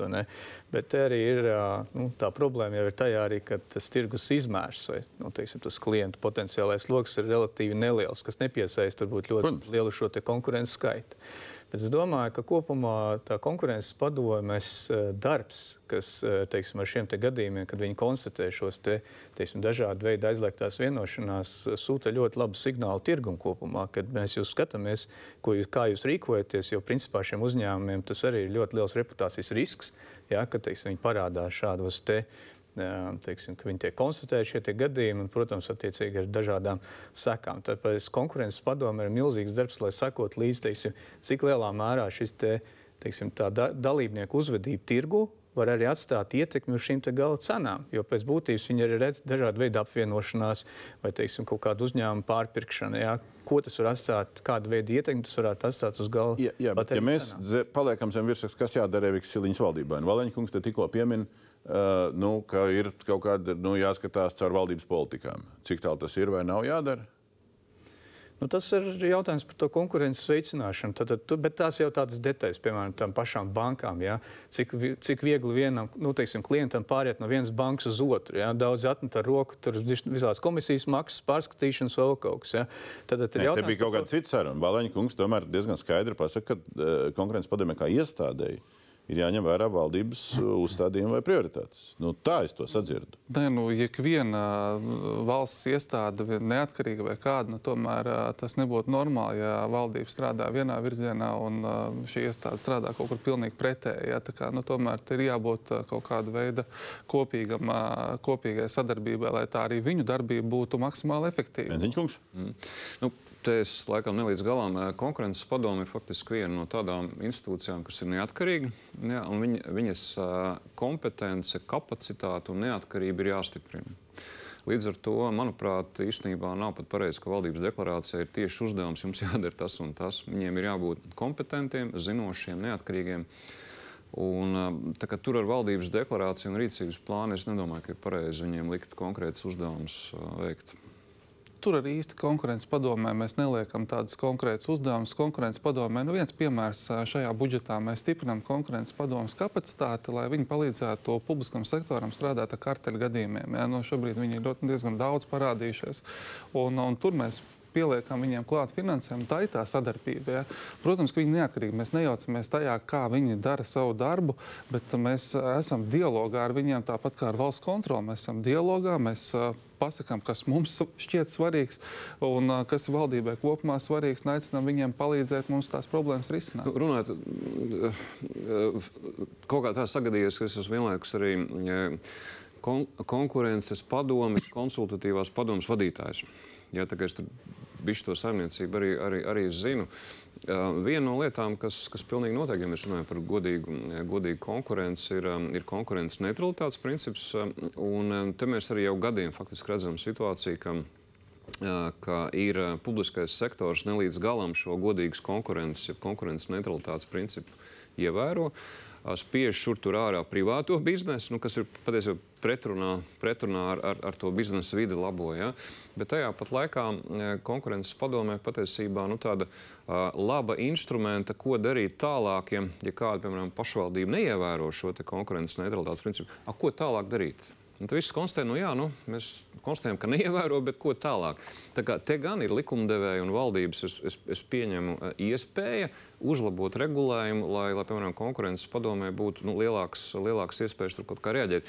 Patiesībā par konkurences neutralitātes principu faktiski nu, tādu uh, ieviešanu likumā, nezinu, mēs sitāmies kaut kādus astoņus gadus, manuprāt. Tur bija visu laiku precedents, bet tu paliec Dievam beidzot. Nu, labi, tā jau ir pagātnē. Nu, šitam īsti jūs te baigi neiebildēt. Nu, es domāju, vai tur nepieciešama likumdošana vai drīzāk labās prakses piemērošana un dialogu veicināšana. Jo manā ieskatā tiklīdz mēs ejam ar kaut kādiem tādiem likuma uzdevumiem īpašajā kapitāla sabiedrību jomā, ir diemžēl tie gadījumi, kas ir slikti beigušies. Ja, tas ir gadījums, tie tie gadījumi, kas neļauj tā straujāk, labāk virzīties priekš. Bet uh, šī dialoga veicināšana tieši pēdējos gados ir būtiski mainījusi situāciju. Tā ir. Bet vēl viena dimensija, mēs runājam par to uh, konkurences situāciju un karteļiem un, un, un visām, visām šīm lietām. Tas, ko mēs arī redzam uh, dažādās jomās, uh, proti, ka ar dažādām vēsturiskām pieredzēm ir, ir teiksim, tā, palielinās tādu uzņēmumu skaits, kuri iet vispār projām no publiskiem iepirkumiem. Viņi saka, ne, mēs šito negribam kaut kādu iemeslu dēļ. Un tad paliek mazāks uh, uzņēmuma lokus, kas pretendē uz to iepirkumu. Un tad, un tad, un tad sākās tā karteļošanas iespēja daudz vieglāk. Tad sākās faktiski arī uzskrūvētas cenas, par ko mēs beigās visu nu, samaksājam. Nu, tas, ka ir maz konkurence, tas nenozīmē, ka tie maz konkurējošie uzreiz a priori ir belēži. Nu, tas tā nav teikts. Nē, nē, tas, tas, tas tā nenozīmē, bet tas nozīmē, ka iespējams tu vari cenu labāku, nu, teksim, dabūt augstāku cenu. Ja? Bet tas, kas man nepatīk, ir, ir un, tur kaut kas nav labi īstenībā ar to publisko iepirkumu sistēmu, ka, ka daudzos iepirkumos vienkārši privā, nu, privātais sektors saka, nē, mēs labāk, tiešām savā ziņā pareizi, mēs labāk eksportējam un mēģinam tur nekā sisties par publiskiem iepirkumiem. Bet, ja mēs runājam par iekšējo tirgu, nu šeit veidojās zināma problēma, kur, kur, kur bieži vien publiskais sektors pārmaksā dēļ tā, ka nu, viena daļa vienkārši nepiedalās. Jā, tas ir lielāks izaicinājums pie mums nekā lielā valstī, jo vienkārši mazā, mazā valstī tev ir mazāk iepirkumu, tu esi uh, mazāk pievilcīgs tirgus. Es domāju, uh, te, te ir liela atšķirība starp teiksim, sabiedrisko transportu iep, iep, iepirkumiem par autobusiem, par kuriem bet, bet tie ir, bet, bet ir lielie iepirkumi, ir Eiropas Savienības iepirkumi. Tie nav mazas valsts, tie ir Eiropas Savienības iepirkumi. Bet mēs kā maza valsts esam mazs tirgus, kas neinteresē šiem. Nu, te... Tieši tā, tieši tā. Un, un tā kā šeit es atšķiru tos, kur konkurences padomē ir, ir noteikti ļoti svarīga loma atrast karteļus, viņus celt, celt gaisā, nest uz tiesu, lai reāli cilvēki sēž cietumā par to, ka viņi šīs slēptās vienošanās veids, kas ir ļoti atšķirīgi no lielveikaliem, kur es domāju, ka uh, problēma ir pārāk maz tirgus spēlētāji. Tas, ka Lidls tagad bija Lidl bilde ļoti labi. Lidls ienāk tirgu um, uh, pārējie Rimija un Maksim. Skaidrs, ka tas viņiem ir nu, liels uh, uzbrukums, ļoti labi. Viņiem ir konkurence. Ja mēs varam dabūt vēl Aldī šeit iekšā, tas būtu labi. Bet Aldī nāks iekšā, ka viņiem ir pievilcīga vide, darbinieki, uh, teiksim, cilvēki. Demogrāfija viņiem šitien vajag, viņiem pircējs vairāk vajag. Ja, Jā, jā, droši vien. Piedošana, ja es mazliet atlaidu atpakaļ pie tās iepriekšējās tēmas par to, par to, par to banku sistēmu un to valsts, valsts banku, bet, bet uh, mēs runājam iepirkuma kontekstā, ka ir pārāk maz teiksim, nu, citu valstu spēlētāju, kas nāk šeit. Mēs arī no vienas puses gribētu, nu, kā jau ir izskanējis, ka, ka esošajā banku sistēmā būtu jauna, nu, lielāka kāda banka, kas kaut kā to, eh, to konkurenci sāsinātu. Nu, daudz tas ir izskanējis, un mēs jau tur gadiem strādājam pie tā, tam līdzīgi, tam līdzīgi. Bet tad ir tas jautājums, vai mēs tos apstākļus esam radījuši tādus, lai, nu, lai viņi tā kā nāktu. Ja tirgus jau mazs un pārbankots īstenībā, bet tas, ko mēs tagad darām, paralēli. Nu, teiksim, šobrīd parlamentā ir visi tie lieliskie regulējumi attiecībā uz to, ka pirmais bija noteiksim procentu cenas, ja tagad būs tā nodeva. Jautājums ir, ir kāds, vai, vai šāds solis mums veicinās jaunas bankas atvešanu šeit uz Latviju? Nu, protams, ka nē. Jā. Nu, protams, ka nē, taisnība otrādi. Nu, tas atbaida. Tā kā nu, tur pašiem jāsaprot, ko mēs gribam darīt. Nu, ar bankām tās diskusijas notiekās, un uh, saimā šis likumprojekts ir procesā. Visas saimas atbalstīs. Kā, nu, saima redzēs, ar ko saimā tas beigsies, bet viņš tomēr skar ļoti, ļoti šauru uh, tautsēmniecības finansēšanas grupu.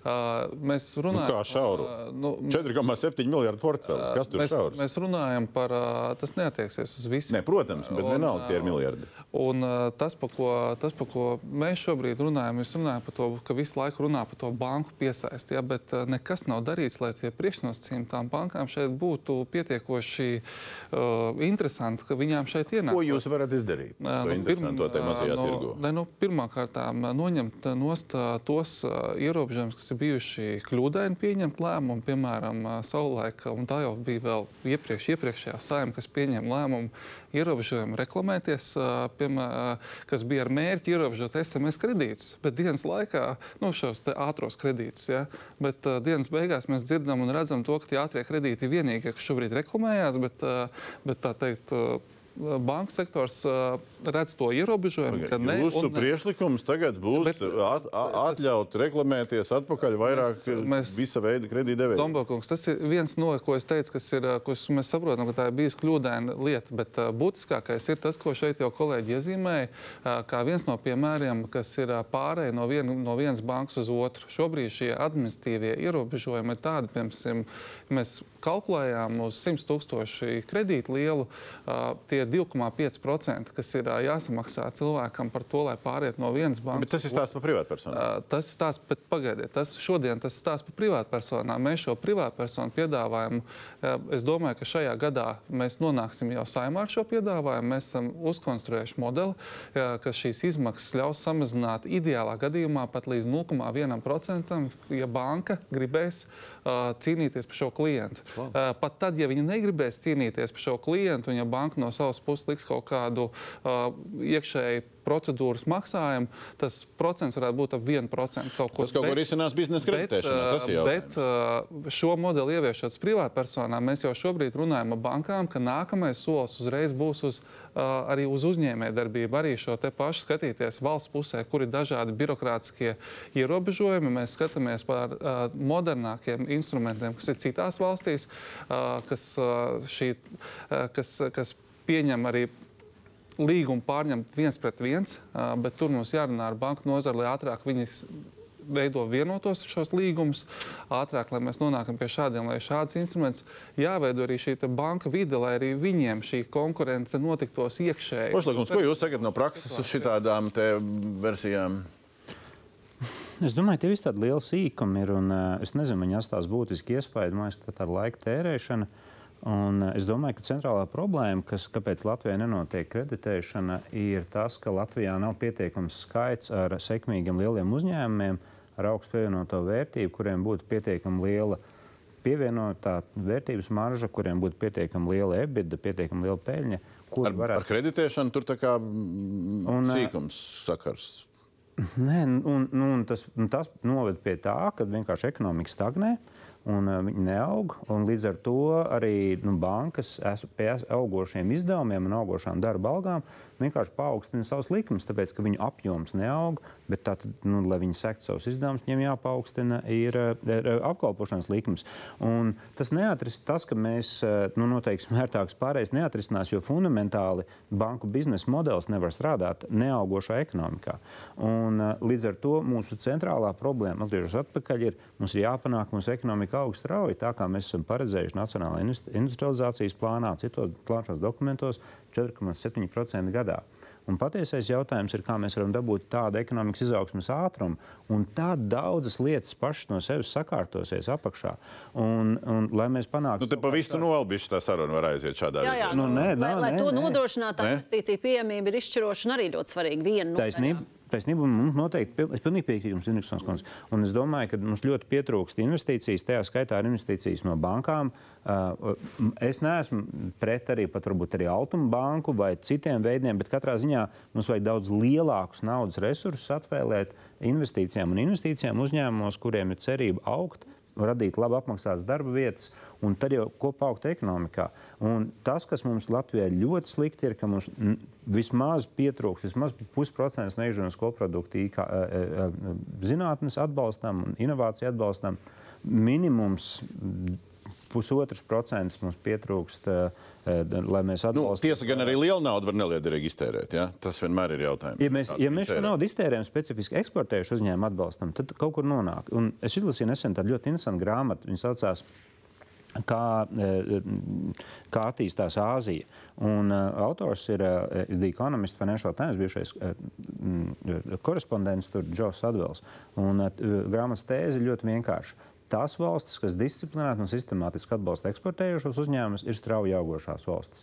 Tās valstis, kuras atbalsta vietējā tirgu strādājošus uzņēmumus, ir stagnējošas valstis. Un, ja salīdzinām Malaiziju un nezinu, Hongkongu, tad Hongkonga atbalsta eksportu, Malaizija strādā uz vietējā. Un jūs, prāt, Āzijas likums ir viens pret vienu pārceļams uz Eiropas kopējo Es tirgu. domāju, tas nav tikai Azijas likums. Tie- Tieši tāds pats Labi. likums ir arī bijis Eiropā un visur citur. Prieckungam vēl bija ko piebilst. Es par to konkurenci. Jā. Es vienkārši tā slaidu pārlecu uz pēkšņu Jā. bankām, bet par to konkurences padomi un konkurences faktiski uzraudzību. Tas jau arī ļoti būtisks signāls arī tiem investoriem, kas varētu nākt. Jo bija pieminēta tā mazumtirdzniecība. Mēs zinām, ka, protams, tā tirgus koncentrācijas pakāpes teiksim, šajā te lielajos uzņēmumos, kas ir palikusi jau pirms kāda laika. Bija prizma vai ne, aizgāja projām. Tad cilvēks ļoti neveiksmīgi trāpīja uz krīzi, vai ne? Tad sanāca tas tirgus dalībnieku skaits saruka patīkami, ka Lidls ir atnācis, atnāks droši vien Aldi, vēl kāds dalībnieks. Tas vienkārši parāda, ka tā nosacītā nu, tā biznesa vide ir pietiekami veselīga un pievilcīga arī šiem te potenciālajiem ārvalstu investoriem atnākt. Jo tas, kas ir būtiski, piemēram, mēs runājam par šo mazo tirgu. Eh, Mazs cilvēku skaits nevienmēr ir eh, teiksim, kaut kāds atbaidošs faktors šiem te potenciālajiem eh, biznesmeņiem, kas gribētu šeit kaut ko darīt. Jo bija runa piemēram par augstākiem ienākumiem. Jo IKEA, ja es nemaldos, savulaik bija publiski paziņojis, ka viņi uz Latviju vispār nekad nenāks. Jā, bet te nu mēs tik esam. varbūt tik vienos nebija. Bet, prieckungs, atgriežamies pie jautājuma, kas jādara Siliņas valdībā. Ja nekas nav jādara, tad tirgus pats kārtosies. Ja? Nē, tātad tas, ko arī minēja kolēģis, par principā, ja mēs runājam par konkurenci, tad konkurences padomus kapacitātes stiprināšanu, lai viņi veik, var veikt kvalitātes funkcijas. Okay. Labi, ļaujiet man uh, vēl vienu tematu aizskart, kas, nu, iespējams, ka jūs teiksiet, ka liela sīkuma, man liekas, ka tad ļoti, ļoti liels sīkums ir um, enerģētiskais konteksts, kas saistās ar energoresursiem un līdz ar to arī viņu cenu arī. Tagad tās kompetences ir sadalījušās, ir mm, kopš klimata enerģētikas ministrija, nu, it kā enerģētika ir tur, bet tajā pašā laikā mm, vēl aizvien uh, ekonomikas ministrijas saimniecībā ir gan Latvijas energo kā kapitāla daļu turētājs, gan vēl šis tas. Un es vēl saistībā ar šo, vēl šo to gribētu tēmu, ko es aizsāku jau vienā citā raidījumā. Tad, tad šis ir uh, skats uz uh, nacionālo drošības koncepciju. Nesen saimā pieņemto sadaļa par elektroenerģijas ražošanas jaudu palielināšanu no atjaunīgiem resursiem. Un tur tā tad uh, ir vienīgais, kas ir pieminēts. Tur nav ne, ne privātie mm, vēja parki, saules parki, biomasas parki. Tur nav arī Latvijas energo un Latvijas valsts mežu. Uh, Koprojekts Latvijas vēja parka iecerētais milzīgais ir tikai jūras um, atkrastes vēja elektrostaciju koprojekts ar Igauniem Elvind. Un um, pēc tam, kad viņš tur ir pieminēts, pēc tam ir teksts, ka nākotnē Latvijas jūras teritorijā kopumā varētu izveidot piecus vēja elektrostaciju parkus. Uzsvars uz vārdu varētu. Es uh, šo jautājumu uzdevu, mm, tagad mēs runājam par iekšējo drošību ar iekšlietu ministriem. Um, Epizode bija sekojoša. Varētu parkus izveidot, varētu neveidot. A, koncepcija kur? Izstāstiet Šīs man, kas tas koncepcijas papīru? nevajadzētu laist parastajā saskaņošanā. Tur pilnīgi ir redzams, kā ekonomikas ministrija ņēmusi un ierakstījusi šos te teikumus. Un, Nu, bet, bet valsts drošības dienas ir ministrs, pieņēmis. visa ministrija šito laiž cauri. Nē, nu, bet es atvainojos, ja ekonomikas ministrija, kas atbild par enerģētiku, iesniedz uh, dokumentu, tad ne jau iekšlietu ministrija tagad apstrīdēs uh, ekonomikas ministriju, kas ir atbildīgā ministrija. Indriksons kundze. Nu, man mazliet jānokaunās kolēģi vietā, kas eh, bija gan saimā, gan šobrīd ministrs komitē, ka viņi nezina, ka mums jau, nu, kā saka, no pagājušā gada decembra ir enerģētikas ministrija, klimata un enerģētikas ministrija, kas par to atbild, nevis ekonomikas ministrija. Jūs šo nerakstījāt. Nē. Bet Elvins ir ekonomikas ministrijas Nē, projekts. Elvins Lijā nē. Elvins- Viņ, jā, nē, Elvindu uh, Lijā kā administrators virza šī projekta attīstību sadarbībā ar līdzīgu institūciju Igaunijā, kas arī ir tā kā investīcija attīstības aģentūras līdzinieks Igaunijā. Tieši tā. Bet nevis uh, atbild par enerģētiku. Viņi šī ir projekta, varētu teikt, virzītāji un Un tehniski. šo projektu šobrīd stingri kritizē un saka, ka ir ļoti apšaubāmi dati, uz kura pamata viņš ir vispār uzbūvēts. Un Lijā tā tad attiecīgi ir atbildīga. Un tā tad jūs kā Lijā pāraugs. Uh, Šobrīd šis projekts Lijā tika nodots uh, netik sen, un uh, iepriekš arī viņš tika īstenots ekonomikas ministrijas pāraudzībā. Tur, protams, tā arī ir. Par datiem es jums šobrīd nekomentēšu, jo tas īsti nav saistīts ar šodienas sarunu un ekonomikas ministrijas jaunajiem uzdevumiem. Interesants, tas nozīmē, Jo ka jaunā jūs... ministrija nav enerģētikas atbildīga. Tas nozīmē, ka jūs šo nacionālās drošības koncepciju sadaļā par atjaunīgiem resursiem vispār nebijāt redzējusi pirms viņi parādījās publiski. Uh, Šai brīdī, uh, šo, Nē, tajā šo brīdī, sadaļu- kad viņa tapa iekšlietu ministrijas vadībā, šo sadaļu jūs viņu vispār nebijāt skaņojusi. Es kā politiķis, nē, A Jūs kā amatpersona arī nē. tajā brīdī nē. Šo sadaļu noteikti. Ekonomikas ministrija neviens neprasīja. Es kā ministra neskaņoju. Tā es jums varu atbildēt. Ne, no, kā, kas jūs vēl varētu skaņot? Nu, Nē, nu, e, šajā, šī koncepcija tika apstiprināta uh, ministru kabinetā jau jaunajā sastāvā, un pēc tam faktiski arī saimā. Es uzskatu, ka tur nekas slikts kabinetā vecajā valdībā viņi akceptēja. Jūs tajā skaitā viņi akceptējāt. Nē, Jā, nē, piedošana, vainīgs. Jā. Jaunā, jaunā jaunā pareizi. kabinetā. Restīvi, jūs šo neredzējāt. Nē. Uh, jaunā valdība akceptēja, jaunā, vecā jaunā saima pie jaunās koalīcijas arī akceptēja. Nu, tad, ko mēs esam akceptējuši atjaunojamas enerģijas jomā? Ne, nu, ja mēs runājam par šo Elvinu projektu, un tas galīgi nav slikti, ka viņš tur ierakstīts. Tas pat labi, ka viņš tur ierakstīts. Ir tas, ka tur varēja būt plašāki ieraksti, piekrītu. Arī es šobrīd skatos šo jautājumu uz tiem energo, energodrošības ziņā, uz jautājumiem skatos plašāk. Mums tomēr ir atbildībā Latvijas energo. Tas nav klimata ministrijas atbildībā, tas ir mūsu tiešā pakļautībā. Un es redzu milzīgu lomu šeit. Lai, Pakļautībā nosacīti. Es redzu milzīgu lomu šeit viņiem, viņiem nākotnē, tieši mūsu energodrošības veicināšanā. Ja mēs uh, skatāmies par šo konkrēto projektu, es šobrīd uh, esmu uzdevis uh, un šobrīd ministrija gatavo informatīvo ziņojumu visai valdībai. Ir Saistībā ar Elvindu. Tieši tā, lai atslapinātu, ir jau atslapināti visi tie pārmetumi, kur kaut kas bija slepens. Tas viss atslapinās, mēs arī iztulkosim, lai tas viss ir latviešu un viss svarīgākās daļas būs šajā info Un ziņojumā. tad ir jāsāk strīdēties, kas tur īsti ir vai nav saplānots. Un, vai ne? uh, un tur es domāju, ka ir svarīgi pieņemt valdībai un izprast, visiem būt uz vienas, vienā virzienā šī projekta nozīmīguma, svarīguma un izaicinājums, kas mums ir jāpā, kuriem būs jāiet cauri, lai šo projektu īstenot. Tas ir ārkārtīgi liels projekts, un ir, uh, viņa ietekme uz tautsāniecības attīstību ir mm, šobrīd pārāk maz runāt. Jūsu partijas biedrs šai, šīs pašas sērijas raidījumā, kur bija arī vidas Mhm. sargi un vidas sargi un turisma vietējie cilvēki, kas ir nozarē. Um, tā skaitā Roberts Zīle, kurš ir ne, um, arī iedzīvotājs vietējais, nu, runā par to, ka, ka šis projekts nav sabalansēts ar Latvijas vides un turisma interesēm. Es, uh, es vakardien man bija tikšanās ar uh, trīs ministriem, un uh, šīs tikšanās turpināsies. Tātad vides un enerģētikas ministru mēs tikāmies un runājam tieši par šiem jautājumiem. Es arī no savas puses cenšos arī visiem, kas runā par šo projektu, likt saprast, ka tas nav tikai energoražošanas projekts. Tas, šī projekta attīstība ietekmēs, būtiski ietekmēs divu valstu pilsētu tālāku attīstību. Tā ir Liepāja un Ventspils, kuru ekonomiskā izaugsme ir tiešā veidā atkarīga no šī projekta. Kā, nu, tas jāsaka. Cits skatu uz enerģētikas lietām, šaurāk vai plašāk? Uh, es tos uh, slepenos dokumentus redzēju, neesmu lasījis. un Nedrīkstētu laikam viņus pat redzēt. Bet, um, Tur nav nekas slepens. Tā publiska lieta?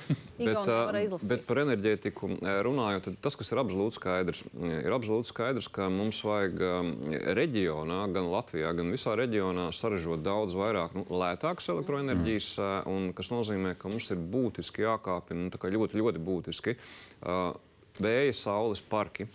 Tā, uh, ja mēs gribam, Jūrā ja mēs- vai, ja vai mēs- uz sauszemes tas Nē, nē, ir nē. dažādas versijas. Nē, nē, pilnīgi. tas, ir, tas ir jau, es teiktu, otršķirīgi, kurā vietā tie parki mums ir. Eh, Galvenais, lai viņi ir Baltijā kā tādā. Tas ir, tas ir, tas ir punkts viens. Jo, ja mēs skatāmies un sekojam līdzi teiksim, Nordpūļu cenām, mēs redzam, Ai, šonadēļ atkal elektroenerģijas cenas tā kā uzlec uz augšu. Kāpēc? Tāpēc, ka samazinājās tur vēja saules izstrāde un otrādi. Ja? Tā, tas ir punkts viens. Bet, Enziņkungs, tad, tad, tad būsim precīzi. Šitas vispār stāsts, te ir viena no tām vizualizācijām. Šis vispār ir stāsts, ka mēs eksportēsim uz Vāciju Nē, nu tas ir. to elektrību, jā, no šitā. Uh, ne, nu šobrīd, kā mēs zinām, mēs saražojam mazāk, jā. Un, uh, bet mums ir jāsāk ar to, ka mēs spējam to lētu enerģiju saražot vismaz paši savam apjomam. Tas ir punkts viens. Punkts divi. Um, tajā brīdī, uh, un tad ir jautājums, kurš, kurš šo, šo te dara. Un, un, un te gan ir nianse uh, un saistība arī ar Latvijas energo statusu. Ja, uh, ja tas lielākās, nu, lielākais uh, ģenerācijas apjoms ir, ir, ir valsts kapitāla sabiedrībai, un valsts kapitāla sabiedrībai, nu, kā šobrīd arī pēc statusa, ir peļņas mērķi, un viņi spēj to tirgu nu, kā, i, uh, ietekmēt. Tad ir jautājums par to konkurences tematu, vai mums neizveidojas nu, kaut kāda mazliet neveselīga situācija, ka neatkarīgi no tā, ka mēs varam uh, saražot pietiekami daudz, ka mums tā elektroenerģijas cena tomēr reģionā ir pārāk augsta. Ja?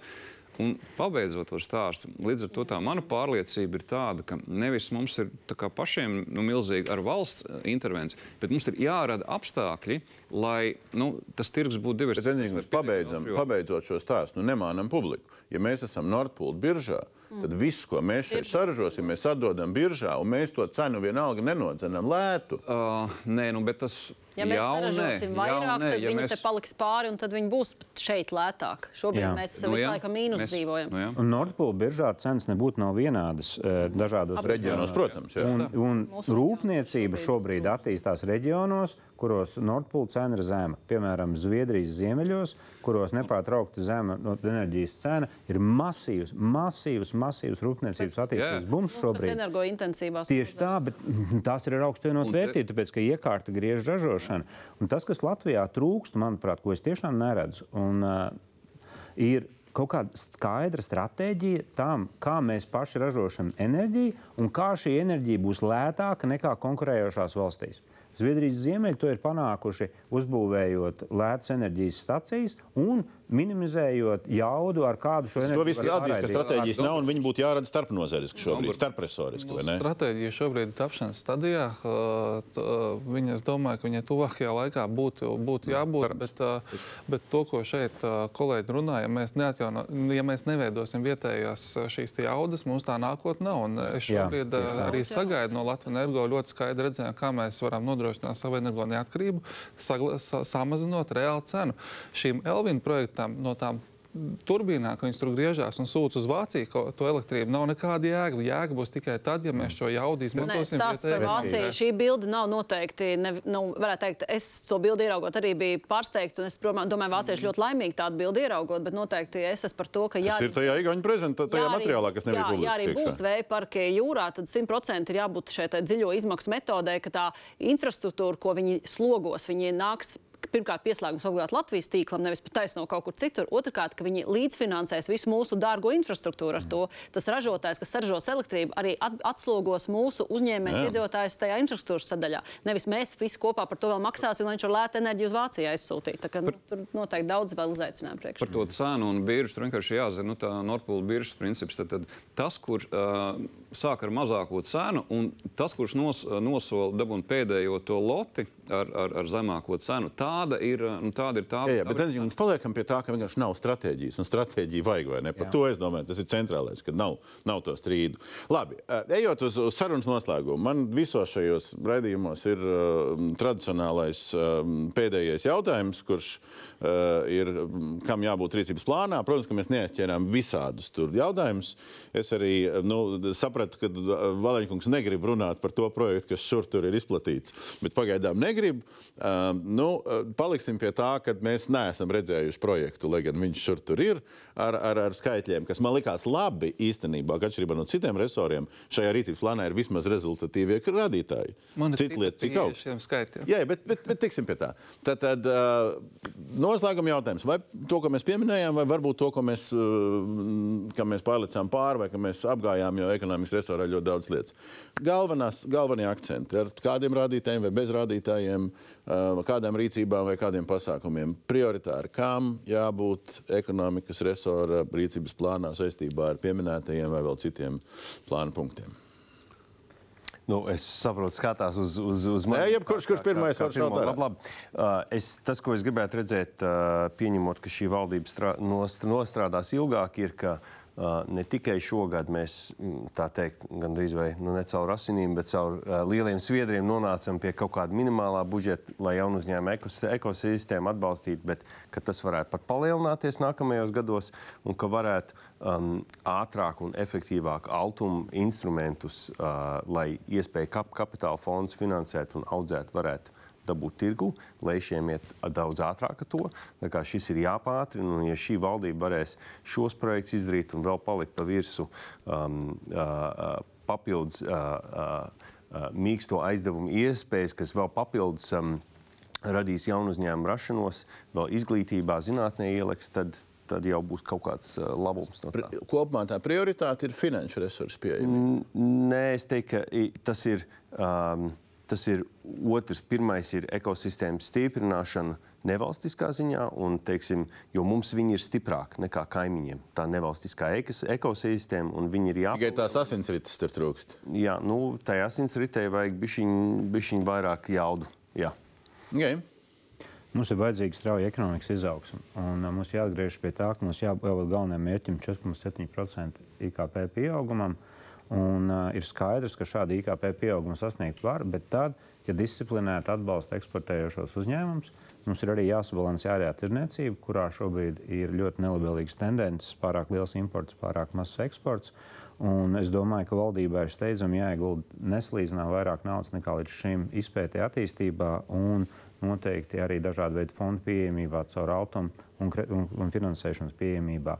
Jo tie ir centrālie jautājumi, ar kuru palīdzību mēs varam mērogot. Koncentrēt Vienkārši vairāk naudas, neko nereformējot tajā visā saimniecībā. Es domāju, ka uh, ir nu, jānomaina mērķi. Valsts kontrole arī uzrakstīja ļoti skaidri, ka iepriekšējā reizē, kad mēs finansējām, tad mērķi bija vairāk, piemēram, kvantitāte, cik uzņēmumi tiks atbalstīti. Kas ir bezjēdzīgs mērķis? Eh, Tāpēc, mērķim ir jābūt drīzāk, kam paaugstināsies pievienotā vērtība un pievienotās vērtības apjoms. Un, uh, tam ir jābūt mērķim, uh, ar kādu tiek finansēts, un ir jābūt ierobežojumiem, ka mēs atbalstam eksportējušos uzņēmumus. Jo eksportējušie uzņēmumi Uh, viņiem ir iespējams mērogs, viņiem ir iespējama izaugsme, viņi brīvi konkurē ārējos tirgos, un tur ir milzīgi daudz priekšrocību. Izdarot šo te izmaiņu un pievienot papildus naudu, es domāju, mēs varētu strauji attīstīties. Prieckungs. Un, jā, nu, no, pievienojos arī iepriekš teiktajiem, bet uh, no savas puses noteikti gribu uzsvērt šīs te, pētniecības un attīstības ieguldījumus. Jo, un te arī valsts kontrolas tas pats ziņojums. Faktiski ne tikai nauda, bet arī kā tā nauda nonāk līdz tam galam. Mhm, mhm. Jā. Tad, tad cik efektīvi. Un, man liekas, tas ir ļoti būtiski. Jo no vienas puses mēs varam runāt par šiem ieguldījumiem. Ja? Un, protams, arī tas, kas jau ir eh, daudzreiz izskanējis faktiski par šo, te, nu, ja ir ieguldījumi pētniecībā un attīstībā, tad caur kuru sektoru tieši tas ir, vai caur privāto, caur universitātēm, ja? un, un ļoti nopietni nodrošināt šo sadarbību, lai šīs te zināšanas var komercializēt un attiecīgi veicināt šo Tas pārdomu. nebija Latvijas universitātes lobbyis, ne, kas tagad Nē, skanēja. tas bija izglītības sistēmas iespējas Latvijā, ko mēs varam izdarīt. Ziņkungs? Es um, beigšu ar to, ar ko Ošliekungs sāka īstenībā. Ja? Uh, šis te Mortena Hansena aprēķins, ka ja mēs tiešām fokusētos uz ekonomiku, tad uh, mums būtu IKP par 10 miljardiem lielāks un nodokļu ieņēmumi par 3 miljardiem. Iedomājieties, ko tik mēs nevarētu atrisināt par, par liekiem 3 miljardiem šobrīd finanšu ministrijas Bet atgriežoties uz zemes? Ja? Bet atgriežoties, uh, ne, nu, es tiešām novēlu, lai, lai valdība nu, domā par ekonomiku. Un, un šeit, lai nav jāpārstāsta visas praktiskās rekomendācijas, valdībai uz sienas uh, sēž zālē, ir jāuzraksta eksports. Produktivitāte un investīcijas. Ja katrs lēmums, kas nonāks uz galda valdībā, tiks no šīm trim uh, tiksim, leņķiem apskatīts, būs labāk. Un, uh, mēs šobrīd esam iegājuši tādā, tādā tiksim, dialoga ciklā gan ar, gan ar ekonomikas ministru. Šo vakar tikāmies arī ar premjeru. Nu, mēs visas tās praktiskās rekomendācijas. Dialogs visu laiku jums ir ar kaut ko. Uh, Ar Indriksons kundzi arī bija dialogs. Ar laiku bija premjeru dialogs. Ar, ar Indriksons kundzi bija, ar premjeru nebija. pagājušajā mums nebija. Šobrīd mēs esam labā dialogā arī ar premjeru. Kā Labi, ā, nepārskaitot visu, ko mēs te pieminējām, kaut kāds viens noslēguma punkts no, no jau opozīcijas puses, kam būtu jāturpinās vai jaunam jānāk klāt. Es pilnīgi piekrītu visam, ko teicu, bet es teiktu, tomēr šī te procesa izvērtēšana, un valsts eh, pārregulācijas samazināšana un efektivitāte tieši tajā valsts darbības pusē, kas dod ekonomikai iespēju izaugt un uzņēmējs nekādā veidā neapgrūtina visus normatīvos regulējumus vērtēt no konkurētspējas izmaksu ziņas eh, tautsēmniecības ekonomikas pusē. Tas nozīmē faktiski mazināt laiku un patēriņu, ko jāvelta jebkuram Nu, uzņēmējam. kas bija ekonomikas transformācijas tajā pirmā plānā? Tas nozīmē, vasarā? un atbrīvot resursus līdz ar to arī uzņēmēju pusē. Labi, Valaņkungs ar visam, kas izskan piekrīt. Nu, es skatos uz uh, savu darbu vienkāršāk. uh, Es, uh, es uzlieku tā, varbūt uh, daudz mīlu runāt par dažādām reformām dažādām sīkām lietām, kur es šodien daudz ko pieminēju. Manuprāt, kopējām darba rezultātam mērījums ļoti vienkāršs - ekonomiskā izaugsme. Mērķis 5% ekonomiskā izaugsme, eksports 85% no IKP. Šo virzienu mēs uzliekam un tajā virzienā strādājam. Kā mēs to sasniedzam? Reformējam, nereformējam, tam nav mazsvarīgi. Galvenais ir iet uz šo mērķi un visus šos lēmumus pieņemt, izjūt no šī mērķa. Un tā arī skatos un strādāju šobrīd valdībā. Es arī citiem ministriem komunikācijā. Universitāšu finansējums. Nu, Latvijas universitātes top 500 vai arī kādas iegūmas mūsu tautsēmniecībai no tā. Nu, tā uz to jāskatās. Ir. Un uh, tā es skatos, un tā arī strādāšu. Nu, tad skatīsimies, kas tajā rīcības plānā būs. Vai tas, ko mēs tagad te, uh, noklausījāmies un ierakstījām, un varēsim patīt apakaļ, vai tas būs vai nebūs. Paldies liels uh, visiem, kas uh, bija klāt, lai parunātu par uh, ekonomikas politiku jaunā valdībā. Seriāls, uh, kas jādara Eviks Siliņas uh, valdībai, vēl turpinās. Mums vēl priekšā ir uh, divu resoru un divu nozaru apskatīšana. Uh, 6. uh, novembris veselības aprūpe. Desmitais satiksmes uh, sfēra ar visu, kas tajā ir iekļauts. Paldies par šo reizi. Turpinājums sekos.